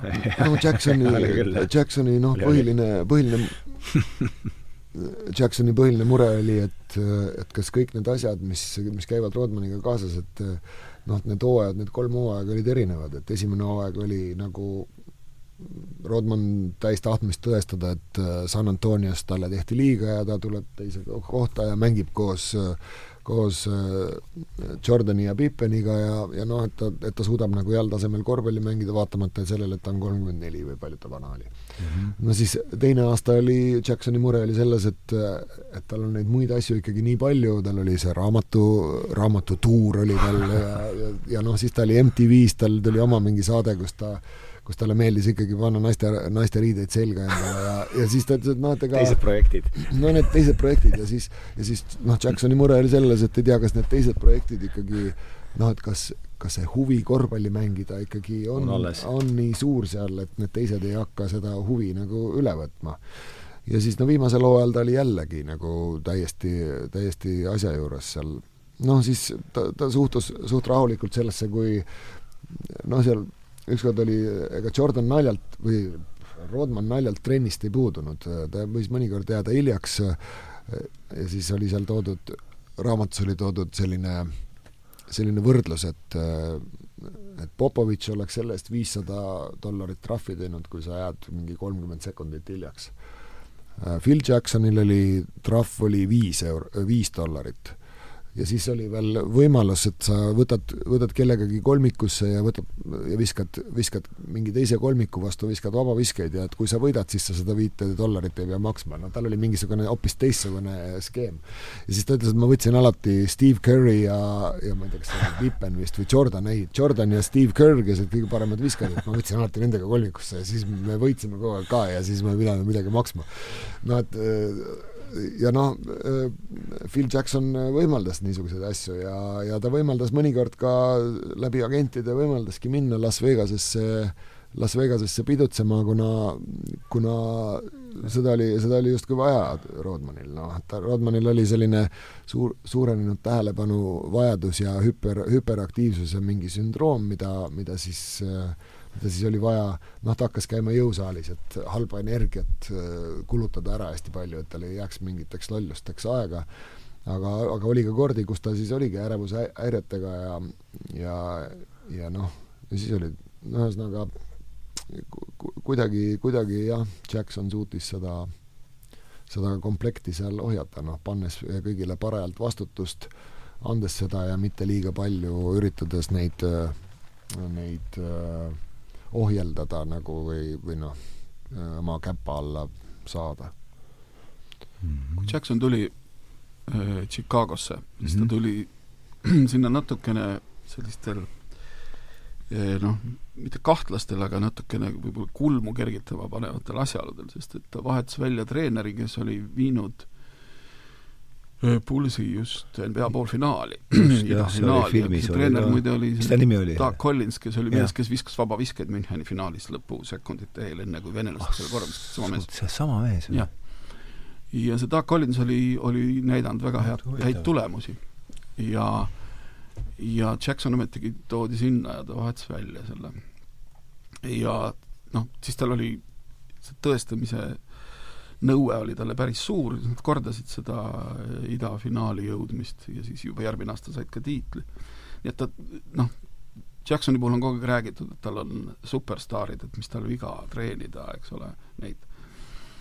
aga tal oli terve omaette tõesti mingisugune suhtlustehnika, kuidas ta nende superstaaridega hakkama sai, sest et noh, küll, see ei ole täna meie teema, aga see, kuidas ta manageeris Kobe Bryantit ja Shaq O'Neali, kes ka põhimõtteliselt, nagu ma olen lugenud kirjeldusi, andsid erinevatest, pärast kui nad andsid intervjuusid mängu järel, siis Bryant rääkis, et äh, see mäng ei saa paremaks minna senikaua, kui noh, keskmängija ei, ei ole platsil äh, nagu arvestataval tasemel ja Shaq jälle rääkis, et ma ei saa seal korvi all mängida, kui ma söötu ei saa. noh, ühesõnaga ajasid kaks superstaari teineteise suhtes küllaltki selliselt erinevalt nurga alt ja noh, täpselt samasugune kas no,, kas ta läks Lakersisse jaa, Lakers, seal, seal ta sai hiljem veel tiitleid, äh, Jackson, jah, nii et ta kogu aeg võitis nende staaridega, aga ta võitis neid pärast seda, kui ta oli õppinud neid kuidagi juhtima.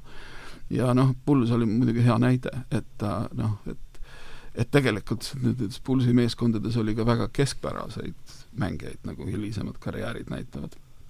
aga aga ta sai neist, neist maksimumi kätte ja oskas nende staaridega muidugi toime tulla noh, Rodmaniga jah, on üks asi, aga noh, ta, mis, mis oli Jacksoni tehnika, oli näiteks see, et ta tihtipeale andis mingi krüptilise sõnumi meediasse. ja lasi siis mängijatel ise otsustada, mida ta ütles mm.. ja mõelda selle üle järele, et noh, ta, ta kohati ei rääkinudki nendega nii, niivõrd palju otse, vaid mängijad ka lugesid lehest või kuskilt, kuskilt kuulsid televiisorist. väga kahtlane tehniline nagu võte ühe treeneri jaoks. ja mõeldamatu siin tihti Euroopas või rääkimata Eestist, aga aga, aga tal see toimis, et ta kuidagi, kuidagi motiveeris neid sedakaudu. ja noh, see zen'i aspekt tähendaski seda tal ka, et, et tal oli, et ta oskas ka meediasse anda signaale, mida võis mõista väga mitut moodi. ja ja see vaikuse lugu on jah, päris huvitav, kuidas mm, -hmm. kuidas võib mõelda. no jah, sest äh, Jordan tuli tõesti omamoodi nagu tüliga sealt San Antoniost, kus ta süüdistas treenerit ja kogu Rodman. seda, ja Rodman jah, Rodman süüdistas treenerit ja kõike seda mhm. protsessi. nii et nad said, äh, nad said äh, midagi täiesti kahtlast, sai Chicago siis üheksakümnendate keskel. keegi, kes, kes on vananev ja ei ole kindel näiteks noh, kas sa oskad, kas kaua tal neid äh, hüppeid jagub lauavõitluses osalemiseks ja kelle, kelle nagu noh, selline karakteristika oli, oli ka kaheldav, sest ta äsja oli tülitsenud piisavalt, noh, ja nüüd siis ta riskit-, riskiti sinna sisestada. no muidugi võis Jackson alati arvestada sellega, et kui noh, et tal on äh, Michael Jordan, kes võis muidugi mõne mängijaga tekkida seal suuri konflikte ka, aga või noh, neid ei tekkinud, sest Jordan valitses seda tiimi platsil aga et, et noh, ka otsest mingisugust noh, ütleme, Rodman ei võta võimu sellest pulsist, see oli ka mhm. selge, et ta ei hakka, ta ei saa kõike ära rikkuda. aga no omad riskid seal olid. aga no ühesõnaga, see Jacksoni tehnika on jah, väga väga kummaline, ma tegelikult pretsedenti isegi ei tea, keegi, kes seda, kes seda samamoodi oleks nagu läbivalt teinud. on olemas treenereid, kes seda on, kes seda on natuke korranud siin ja seal just nimelt näiteks seda meedia kaudu juhtimist mm. -hmm. aga ei, ei ole nagu tervet sellist koolkonda ka tekkinud. Rauno tahtis lisada? nojah, Jacksonil näiteks veel üks äh, tema juhtimisstiilist äh, noh, näide, et kui, kui me siin vaatame nende korvpallimängu, siis äh, siis noh, mäng läheb mingi hetkeni, kus, kus tundub äh, kõrvaltvaatajatele ka, kuna kõrvaltvaatajad on tegelikult üsna, üsna asjatundlikud, et nüüd oleks vaja võtta time-out, no Jackson ütles selle kohta nii, et noh, ta ei taha tegelikult time-out'i võtta, et ta tahab, et mingi esimene, mis ta teeb, on, ta hakkab vahetama võib-olla mingeid mängijaid seal väljakul, aga ta tahaks, et mängijad ise saaksid sellest olukorrast üle, sellest, sellest raskest seisust, mis on tekkinud või mille nad on ise tekitanud, et nad võtaksid ennast kokku, tuleksid sellest ise välja. üheksakümmend kaks finaal Portlandi vastu ja. toimus neljandal veerandil äh,, täpselt see. ja kui, kui meil on, noh, meil on nagu tihti selline noh, on kuulda sellist suhtumist, et no nüüd on vaja time-out'i, et ta-, üks uuring on näidanud, et time-out'i, time-out'i võtmine või time-out'i mõju on ülehinnatud. et uuringu järgi mängu lõpu, lõpusekunditel jah, me näeme ja me vaimusilmas kujutame ette, kuidas treener joonistab mingi võlunipi ja siis võistkond viib selle ellu ja tuleb võit, jah, seda on juhtunud, aga aga reeglina, reeglina annab see eelise meeskonnale, kes on kaitses. kuna, kuna ründajad peavad nagu sellises, esiteks kaitses, kaitse saab ennast koguda, saab võtta kohad sisse ja siis ründaja tuleb äh, teatud, teatud skeemiga peas, mis on ette joonistatud ja kui nüüd midagi seal, midagi seal väljakul täpselt nii ei ole, siis nendel on seda raskem ellu viia, kui, kui kaitst-, kaitsjatel kaitsta seda olukorda. no et uuring on näidanud, et enamasti, enamasti lõpeb see noh, töötab nende kasuks. et aga, aga no nüüd tagasi Rootmani juurde et noh, noh, Pulsi tulles oli tegelikult tal olnud kunagi Detroiti ajast äh, intsident, suur intsident Scotti Pippeniga, kelle ta lükkas kuskile tribüünidesse ja seal oli mingi noh, mingisugune suur pahandus oli. ja siis ta, kui ta tuli sinna pulsi, pulsi, siis, siis ta ütles, et ega, ega siis noh, nad kõik aktsepteerisid, omavahel austus oli olemas, aga see ei tähendanud, et ta tuleb sinna ja esimese asjana läheb Pippeni käest vabandust paluma, et et noh, kuule, sorry mees, et ma lükkasin sinna ja noh, ega siis Pippen, Pippen ei pea talle ka nagu kätt andma, et kuule, jah, jah, pole hullu. et noh, Rodman ise iseloomustas seda intsidenti ka nii, et ega, ega see, et Pippen ei pea sellise eest, asja eest talle üldse andestama, aga see ei tähenda, et nad ei võiks koos hästi mängida mm. -hmm. ja, ja noh, mulle tundub, et Rodman oli ka niisugune mängija, kes kes vajas enda ette paari, paari sellist tugevat staari, kelle selja taga ta peaks olema, noh, kellest ta teab, et ta nendest nagu ette ei tõuse, et nii oli see seal Detroitis, kus oli Isaiah Thomas ja, ja Joe Dumars olid, olid kindlasti need võistkonna staarid ja tema tegi seal oma, oma rolli. Ja siis nendes võistkondades, kuhu ta läks ja kus ta hakkas arvama, et tänu temale nüüd see võistkond on, on, on hea või need, või need nii-öelda selle võistkonna vedajad, ta ei aktsepteerinud neid nii liiga palju, siis, siis Pulsis oli jälle see olukord, kus kus tal oli, kus tal, tal olid ees konkreetsed mehed, kellest ta teadis, et ta nendest, nende asja, nendega konkureerima ei hakka seal, ta ei hakka seda aupaistet endale võtma, kui, kui see võistkond on edukas. ja, ja ühtlasi oli treener ka, kes, kes suutis suutis leida selle suhtlusviisi temaga, aga pigem ma arvan just noh, nagu Tõnis ütles ka nagu Jordan, aga ma arvan ka, et Pippeni, Pippeni selline aktsepteeriv osa ja samal ajal noh, seejärel, kui ta oli sinna läinud, siis ta ütles Pippeni kohta nii, et et noh, ma austasin teda nagu siis, kui ma tema vastu mängisin, aga siis, kui ma temaga veel koos hakkasin mängima, oi, kuidas ma siis hakkasin teda austama, noh, et ta nagu, ta ikkagi valis, need, need mõned tüübid olid, kes pidid olema seal, et ta oleks seal oligi Pip-, Jordan, Pippen ja, ja Rodman olid need ko-, kolm sellist no,, kes Toni, esimesena tulevad meelde. jaa, no Toni Kukoc oli ja siis, ja siis no selle kohta ütles Rodman niimoodi, et noh, et no Kukoc pidi lihtsalt siis äh, aktsepteerima seda, et ta ei olnud enam äh, üks, üks suurest kolmikust, vaid nüüd tema oli neljas mm. -hmm. no, et... aga jah, mulle tuli jah meelde vahepeal kes see mängujuht oli, Kerr? ei, Kerr ja mängujuht oli Paxson oli seal vist ja ah jah, Ron Harper. Ron Harper oli jah. jah, jah, ma seda, kas see Kerr Kerr oli vahetusest jah, aga ta, tema, tema roll oli väga, väga väike uh. -huh. iseenesest väga ja, väike, aga jah, mulle tuli vahepeal Jacksonist oli jutt see, kuidas ta noh, üks, mida mina mäletan, oli see Portlandiga finaal üheksakümmend kaks, kui see esimene ei, üheksakümne teisel aastal, kui Chicago üritas teist tiitlit ah, jah mm, -hmm. ja siis nad olid taga viimasel veerandil ja Jordan Nii. oli pingi peal.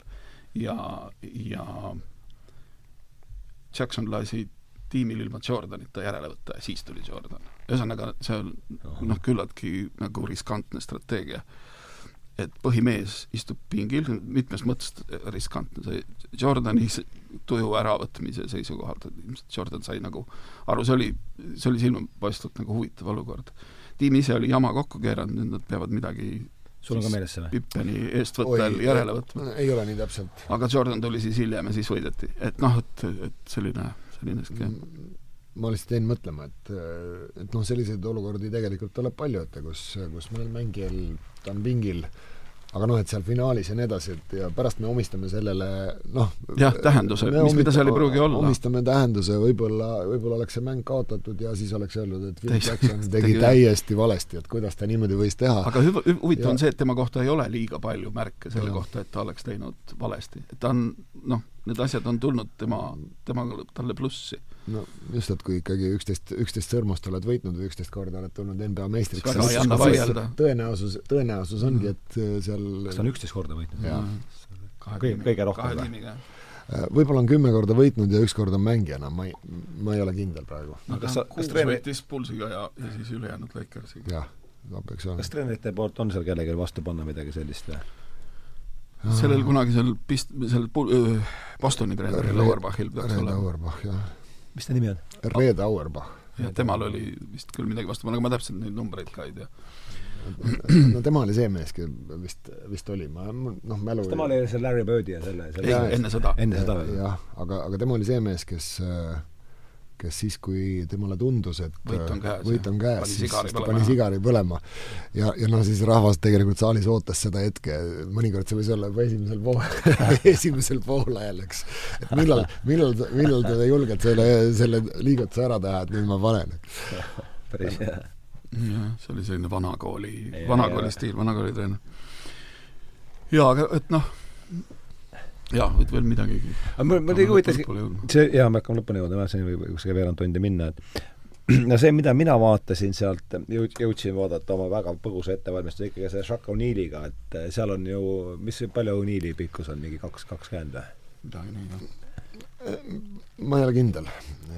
ma olen alati, alati segaduses nende nende intšidega, intšidega, milles neid pikkusi, pikkusi mõõdetakse, ma tean küll umbes, palju see on ja ma suudan välja arvutada, aga, aga, aga ma ei ole päris kindel, kas ta kaks kakskümmend oli. no sinna, no kahekümne kahega suur, suur ja tugev ja võimas ja, ja hästi kiire oma selle kogu massi kohta, noh, hästi kiire seal oma, oma liigutuste tegemise juures hästi kiire et võib-olla sellest vastasseisust natuke, et noh, see on lihtsalt see, millega mul endal ma vaatasin seda videot natuke see, see pidi olema kindlasti, ma, ma seda nii üksikasjalikult ei mäleta, aga see pidi kindlasti olema periood, kus ta, kus Rodman selgelt kaotas. et noh, ta oli juba nii vana, ta ei saanud äh, Šekonili võita teisest küljest. ei, seal oli just see, et ta võitis Šekonil oli üheksakümmend kaheksa, oli oli juba Lakersis, aga mm -hmm. nad ei jõudnud kuskile veel, et nad tiitlit said kaks tuhat alles ja, ja eks seal mingeid konflikte ja selliseid oli ja noh, eks ta see, siis kuulus ta sellise noh, niisuguse tülinorja rubriiki, kes ja, jah, et, et kes proovis nagu Shaqi rööpast välja viia. ja noh, tal oli, Bulls oli taga, selles mõttes ta noh, oli nagu plussseisus, aga, aga samal ajal ei saa ei saa öelda, ma ei, hästi ei usu, et ta, või noh, ma ei mäleta, mul silme ees päris ei ole, ma ei mäleta, et ta oleks nagu personaalselt Jacki vastu saanud oma kolmekümne kuue aasta vanuses noore nagu tõusva tsentri vastu NBA-s. sul on, sul on no jah, ma, ma ei mäleta ka seda väga, väga täpselt, noh, ma arvan, et et okei okay,, seda peab järgi, järgi vaatama, võib-olla see toimus nagu, et terve mäng umbes ta katab Shaqi, aga võib-olla oli see mingite perioodidega, aga noh, Shaqi vastu sai küll äh, niimoodi, et äh, Shaqi vastu oli tunnustatud kaitse, kaitsetaktika oli selline, et tema vastu tehti vead. Mm -hmm.. noh, talle ei lubatud, äh, prooviti takistada kuidagi korvi viskamist, isegi mingitel hetkedel äh, tehti tema, tema endast väljaviimiseks tehti viga esimesel rünnakul, kui Shaqi meeskond tuli rünnakule, siis keegi jooksis talle kohe sisse lihtsalt niimoodi, et tegi vea, tegi talle vea, vea. Shaq ei nagu. osanud vabaviskeid. jah, ja, ja, ja vabavisetes ta oli, oli suhteliselt jah, ta viskas, viskas äh, noh, selle kulul tehakse praegugi nalja ja tal oli vist alla viiekümne protsendi ikka see visketabavus, jah. noh, oli vahepeal ka paremaid hetki, aga jah. jah, et see kõigu, kõigub alati, aga, aga noh, siis ta ikkagi ütles selle peale, et noh, et ega saab siis mehele seda pahaks panna, kui kui ta viskab vabaviskeid alla viiekümne protsendi aga, aga no jah, et eks seal, eks seal tema endast väljaviimise jälle see naha vahele pugemine, noh, jah, et üks-üks olukorras, no ei tohi kunagi unustada, et ei ole päris üks-üks, et kui isegi, kui Shaq seal hakkas põrgatama, siis, siis noh, ma kujutan ette, et meeskond äh, nagu Chicago, kellel Rodman on kõige pikem mees ja peab Shaqi katma, siis teda ikkagi päris üksi sinna nagu terve mängu jooksul ei jäeta, et siis minnakse kuskil, näidatakse kahekesi, et Shaq peaks söötma palli ära kellelegi teisele ja siis lapitakse seda olukorda. iseenesest kõige pikem oli neil ikkagi vist pulsil see austraallane.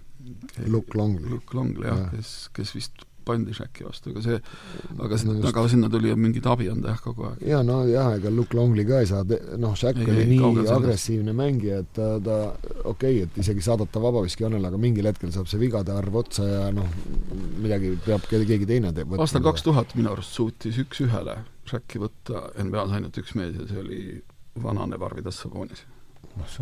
et lihtsalt teda ei saanud ära lükata, see oligi see saladus et, äh, et, et praktiliselt naljalt keegi teine üks-ühele natukenegi ei saanud vastu panna.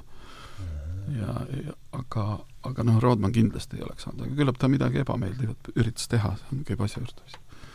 nii et ma, ma üksikasju ei mäleta, aga ma ei usu ka, et sellest, et see oleks olnud mingi nagu duell või mm, -hmm. et, et nad ei olnud äh, nagu äh, võrdses kategoorias, positsioonide mõttes, ei vanuse mõttes. just, just, et see, see, see nagu hakkaski silma, niisugune Taaveti aga noh, nagu, nagu me siin rääkisime alguses ka, et äh, positsioonid on segamini, mängijad vahetavad, äh, katteid tehakse, ühel hetkel on hoopis keegi väike, on seal suurega ja nii edasi ja siis, kui see olukord tekib ja sinna läheb pall, siis siis teised peavad seda olukorda aitama, aitama mm -hmm. lappida mm. -hmm. no Rodman oli vist siiski tuntud mängijana, kellel oli vigade probleem kes ikkagi, kuna ta kaitses, seadis endale üsna raskeid ülesandeid, siis ta sai vead tihti viie veaga välja ikka tegelikult? kuuega, jah, NBA-s no, kuuega. NBA-s kuuega või? sest tal mänguaeg on nelikümmend kaheksa minutit, aga no vigu saab ka nii, et kui sa lähed ründelauda kogu aeg ja keegi sind blokeerib ja hüppad seal selga, siis sellest võib ka vigu saada, nii et et eks tal, eks tal oli jah. et ta suhteliselt tihti ikkagi lahkus, lahkus ikkagi enne seda me ei tea jah, aga no ma mäletan jah, et selleteemalisi konflikte oli nende vigade eest, vaidlusi ja kõike mm. -hmm. aga tuleks selle treeneri juurde tagasi veel, kas sa, Rauno, enda selle mängija karjääri juurest säravamad treenerid, kes sul on olnud nagu jätnud? noh, ma alati mõtlen, et kuidas nüüd vastata kuidas vastata, et noh, minule ei ole ka meeldinud, eks mind on ka proovitud palju, palju raamidesse panna, panna tegema seda, noh, ega lõpuks, lõpuks noh, ma ikkagi olen alati siis öelnud, et mul oli Lätis üks, üks treener, Armand Skraulinš, kes oli noh, kauaaegne Läti koondise treener ja Moskva Dünamo treener ja kes, kes no nagu ikkagi rääkis mulle nagu selliseid positiivseid asju pigem, noh, ta oli ka väga nõudlik treener, aga rääkis positiivseid asju ja ei, ei tahtnud mind nii väga raamistada mm. -hmm. ja seetõttu noh, mulle sobis mm. -hmm. Jacksoni stiili siis pigem? no mingi, mingis mõttes võib-olla küll, jah, mingis mõttes ma muidugi täpselt ju ei tea, Jacksoni noh, nii, nii palju, kui me siin kuulsime, jah, selle jutu baasil. et noh et see mm. -hmm. no nii, vaata, mis meil siis on. kümmekonna minutiga võiks selle jutuajamise sinna kokku võtta. olen siin teinud mitmeid märke, ma arvan, seesama Triksteri nojah, see on see, kui mingit Triks... arhetüüpi otsida Rootmanile, sest et äh, selge Triksteri arhetüüp. et ega me tegelikult äh, noh, me võiks rääkida ka mõnest teisest mängijast küllap või aga et, et eks ta esindab mingisugust arhetüüpi, mis kristalliseerub nüüd ajas järjest rohkem. ja kuigi nagu ajad on teised, nagu me ka rääkisime, siis, siis isegi on tema tüüpi mängijaid mõnevõrra ka praegu NBA-s, aga mitte selliseid, kes, kes tingimata noh, kogu seda Rodmanlikku elu elaks, noh, mängija näiteks nagu Raymond Green kindlasti on, Raymond Green jah, Golden State'is samasugune, kes oli olümpiakoondises ka, kui ma ei eksi, nii et et, et tal on sarnaseid äh, jooni. mängustiil ka isegi, noh, et ta ei ole väga hea ründaja, aga just, teeb kaitses ja mängib ja Ja. sama positsioon siis see ei, tal on nii jällegi, minu arust on tal, tal see kõigub see positsioon. no ta on äh, ka selline undersized, number neli, number viis, noh, ta ei ole väga pikk, ta on kuskil kahe, kahe meetri juurde, võib-olla vähem mm. lühem, lühem, aga ikkagi katab number viis. ka hulk tehnilisi ette näidata kogu aeg ja, ja, ja selles ja. mõttes probleemne no.. aga, aga, aga näiteks siis ma täitsa olen selle peale mõelnud, kui ma vaatan seda Raymond Greeni, et äh, Golden State'i treener Steve Kerr ilmselt võib-olla meenutab oma aegu Rodmaniga tiimis, kui ta seda, seda Raymond Greeni peab juhtima oma tiimis. et seal on tõesti sarnaseid jooni, seal oli, on ka päris tõsiseid konflikte olnud seal Golden State'i tiimis selle Greeni osalusel, aga kuidagimoodi on need lahenenud. et, et noh, aga, aga ma ütlen, et Rodmani sellesse pilti kuulub lisaks sellele mängu suunale veel, veel nagu palju muid asju noh, et äh, et ta on selles mõttes lõpetanud eh, mitte ainult oma karjääri, vaid mõnes mõttes on, on kogu tema isiksus, eks ole, jälgitav mingi trajektoori kujul.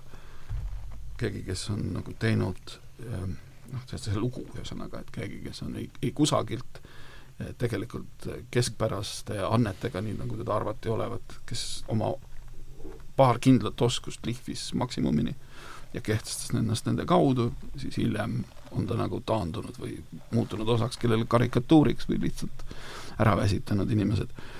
aga, aga see noh, see lugu on mingis mõttes nagu tervik, seda tulekski kuidagi koos, koos vaadata, nii tema suursaavutusi ja heroilisi aspekte kui ka neid teisi. aga, aga mm, ta ei ole ka nagu kokkuvõttes sellisena noh, ta sisaldab klišeid, aga ta ei ole kokkuvõttes ikkagi liiga tüüpiline, kui seda lugu natuke lähemalt lugeda, leiab seal väga palju selliseid, no nagu seesama Kimmi asi, et, et see, motiiv tegelikult ei olegi päris selge. ja kui see motiiv on tõesti, nagu ma pakun, nagu puhtalt niisugune inimliku mõõtme motiiv, siis, siis, siis see noh, see tegelikult ei, ei lase ennast ka väga hästi üldistada, et, et sellist asja naljalt ei mm, -hmm. ei juhtu aga jah, et, et Rodman on jah, selline omamoodi, omamoodi story, kellest see Bulls on siis nagu üks, üks peatus, kuigi ilma selleta ei oleks temast põhjust rääkida.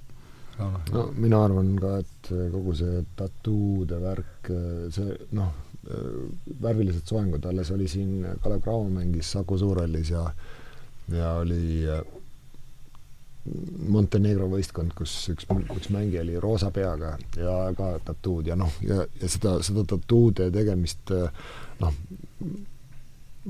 mulle tundub, et see, see on hästi palju sealt saanud alguse, noh, tema on nagu julgustanud seda, seesama soengute teema, see on selline äh, selline lisa, lisaväärtu-, noh, ütleme lisa, lisatähelepanu tõmbamine, aga ühtlasi endale vastutuse panemine ka, et noh, siis mm -hmm. meil on siin palju, palju mängijaid, meil on olnud mängijaid siin Eestis isegi, kes on teinud endale enne play-off seeriat, on teinud mingi erilise soengu ja siis võtnud sellega endale, aga noh, see kõik on, on noh, tema on seda võimendanud ja, ja, ja võib-olla ka üldse selle tee nagu sisse rajanud ja täna noh, paljud mängijad tätoveeri-, teevad endale tattuusid võib-olla isegi päriselt aru andmata, noh, miks nad seda teevad, aga see on kõik kuskilt sealt minu nagu tulnud ja noh, minu jaoks on tema, seostub sellega hästi tugevalt no.. seal on asi, mida ma päris isegi jah, ei, ei, ei mõista, aga vot see vastutuse võtmine on päris huvitav, et kohe, kui sa teed endale sellise soengu, ja sul midagi su mängus, kui su mängus läheb midagi valesti, sa, sa saad ekstra põhjuse tekitada teistes sinu üle naerda mm. -hmm. sa tekitad nagu, sind on kerge välja naerda sellega mm. -hmm. ja noh, see on, see on natukene seesama motiiv, mis võib-olla oli Muhamed Ali'l, kui ta tegi, sellest on ka see dokfilm tehtud, When we were the kings, kui ta oma viimast matši pidas Formaniga.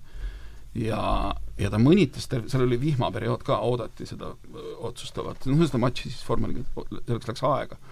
siis ta kogu aeg mõnitas seda Formani, et tal, tal oli edukas karjäär selja taga ja sul ei ole vaja nii palju panna kaalule selleks viimaseks matšiks ja ta tegi seda ometigi, võitis ka, kuigi noh, päris raskelt tuli. no seda Rodmanil oli ka mingi selline nagu kaalulepanek, tal oli võimalik seda asja nagu üle laadida, mingisuguseid äh, nagu aktsente veel lisada, siis ta pani need juurde, et soengud, kõik, kõik, kogu see tätoveering no,. küünte värvimine. jah, jah, et, et noh, ta naisteriided, noh okei okay,, no temal, ta võib-olla lõpuks tal see vastutus kadus nagu selles mõttes ära, et tal nii palju neid asju enam üks ei olnud nii tähtis, aga no ma mõtlen just, et kui kui sa tuled nagu kohta, kus kohas kellelgi ei ole sellist asja, sa teed sellise asja ja nüüd on see mäng, eks ole, noh nii nagu ja, ja, ja, ja. noh, mina olen võtnud seda, et sa võtad endale lisa lisaootuse enda suhtes, võtad ekstra tähelepanu ja sul see võimalus noh, et sul peab mm. olema selleks samas asi, mida me väga ei rääkinud, ongi see, et kusagil kuuekümnendate lõpul, seitsmekümnendatel, noh, mustanahaline mängija Ameerikas, NBA-s ei saanud küll mingisuguseid selliseid stiililisi eksperimente ikkagi lubada, kui Karim Abdul-Jabbar sai pidevat sõima oma äh, islamisuunalise nime pärast, et, et mis, mis tulenes ka otseselt sellest, noh, paljud võtsid äh, muhamedliku nime endale selle mm -hmm. äh, noh, nii-öelda kodaniku, õige nimi oli Leo Alcindor yeah, ja siis ta vahetas et, et noh, juba see ja, ja väga paljud noh, mustanahalised mängijad ikkagi kannatasid otseselt nagu süsteemse rassismi all, mistõttu nad pidid, siis kui tiim läks hotelli, siis nemad pidid kuskil purksi ostma mingisuguses bensujaamas, meie mõistes, mustanahalised mängijad, kes väljakul särasid, neist on päris palju lugusid, need on üsna sünged. Mm.. et, et, et lisame nüüd see mõõde sinna juurde, kus, kus ta nagu, ma ei ütle, et ta on, et et ta kehtestas midagi selles mõttes, ei, aga ta kindlasti nautis neid vabadusi, mida nüüd, kus afroameerika kultuur, mustanahaline kultuur paljuski läbi selle hip-hop muusika ka sai mingisuguse teatud teistsuguse tribüüni, siis ta kindlasti kasutas ka seda seda talle avanenud territooriumi, et, et, et sealtkaudu siis sellist isiklikku, isiklikku, no ma ei tea, ütleks vabadust, aga isiklikke võimalusi nagu kasutada. et see kuulus ka selle juurde või noh, kuidas see korvpalluri kuvand Ameerikas on just nimelt mustanahaline afroameeriklasest korvpalluri kuvand on muutunud? no kena, oleme siin nüüd kaks tundi peaaegu koos istunud, aeg on lihtsalt viimaseks küsimuseks, et mulle jah, mulle jäi kõrva seesama ja noh, see oli ka suhteliselt läbinähtav ikkagi see Tricksteri, Tricksteri arhetüüp või et ähm, mida sellest üldse arvata? mis ta siis eesti keeles oleks, niisugune vembu ja on ilmselt igas satsis on olemas mingi niisugune ma kujutan ette, et üldse sa oled, mit-, mitmes satsis sa üldse oled kokku mänginud üldse, kui sa, suurusjärk võiks olla no.?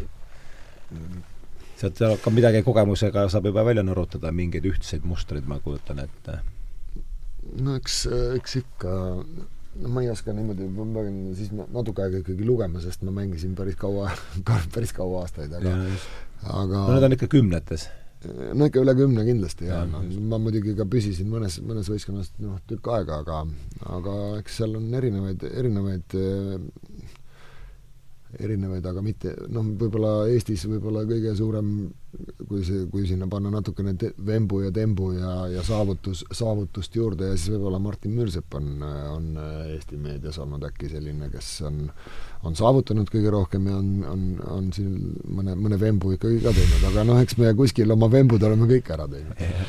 jah, jah, see on aga see, veel ütleme, Triksteri sellise arhetüüpi juurde laiemalt, et mis, kuidas sina seda no kuidas sina seda näed? no ta on, ta ongi kindlasti seotud sellise nagu psühholoogilise mõjutamisega nii nende suunal, kes kes armastavad äh, sind segada, kui ka nende suunal, kes vaatavad pealt, ta teebki väga paljusid asju selleks, et pealt, pealt vaadatakse, siis ta muudab jälle kuskile suunda, muudab kuju.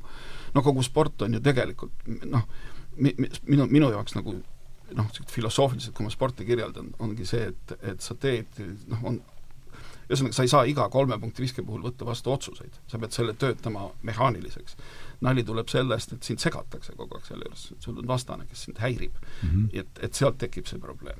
aga, aga et noh, põhiprotsess on enne see mehaaniliseks muutmine, võimalikult mehaaniliseks, nüüd Rodman ikkagi, see tema triksterlus oli ikkagi selline, mis kui ta ka seda päriselt ei olnud, siis ta kogu aeg andis signaali, et ta on kunstnik või noh, et ta kogu aeg loob need situatsioonid tühjast kohast uuesti, iga situatsioon on uus, ma teen uuesti, võtan seda, ma olen teadlik, samal ajal näitan seda, muudan kõike seda protsessi.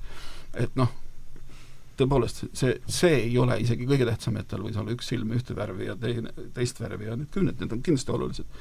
aga noh, ütleme, kui ta seda ka oma mänguga ei kata, isegi ma ei mõtle mängu kvaliteediga, vaid mängulaadiga ei kata, siis see on, jääb nagu õõnsaks, me oleme neid ilusate seitlitega sportlasi näinud niigi. aga et, et, et noh, et see, see on osa mingisugusest teisest traditsioonist, mille, mille juured, milleni me ka täna jõudnud, on see, et me hästi palju eeldame äh, Afroameerika kultuuri esindajatelt seda, et Afroameerika kultuur on kuidagi siiras, autentne, et ta räägib tõtt. kui te mõtlete näiteks kas või äh, orjanduslike aegadel, siis ori ei rääkinud kunagi tõtt, ori pidi vastupidi alati teesklema, kes ta on, et ori pidi alati valetama. ja vot see mängulisus kindlasti on ka üks osa sellest traditsioonist, millele ta viitab, nii et neid trikstereid on Afroameerika kultuuris tegelikult hästi palju. täis on räpparid, paljud muud muusikud ja nii edasi. see on äh, vaadata ka mustanahalistest rääkivaid mingisuguseid filme, näiteks neid vahepeal see Blaxploitation filmi žanr, kus kogu aeg olid need triksterid, kes küll, küll olid seaduse poolel, kes, kes olid jälle kurjategijad. no see on terve, terve selline traditsioon, mida valges kultuuris nii palju ei ole, kuigi nad laenasid sealt kogu aeg, nii et äh, Rodman on just nimelt selles mõttes ka trikster, et ta nagu mingeid ootusi kogu aeg rikub aga jaa, ütleme ta, noh, seda peab keegi kõrvalt vaatama, see toidab teda, noh, see oli see. aga kena, kaks tundi on läinud heas seltskonnas ikka nagu niuhti, et äh, aitäh tulemast, Ranno Pehka, aitäh tulemast, Tõnis Kahu, et äh, rääkisime siis täna Chicago Tricksterist ja ilmselt see saabki olema ka saate, saate pealkirjas, saate pealkiri Tõnis Rodman ja ja ei jõua teid ära tänada, et leidsite aega äh, kaks tundi eraldada siia ja veel kord suur tänu Marile puldis, suur tänu kõigile, kes on teinud saate võimalikuks ja suur tänu veel kord Rauno Pehka ja Tõnis Kaua ja sellega on siis äh, tänasel vestlusel joon all. aitäh! aitäh!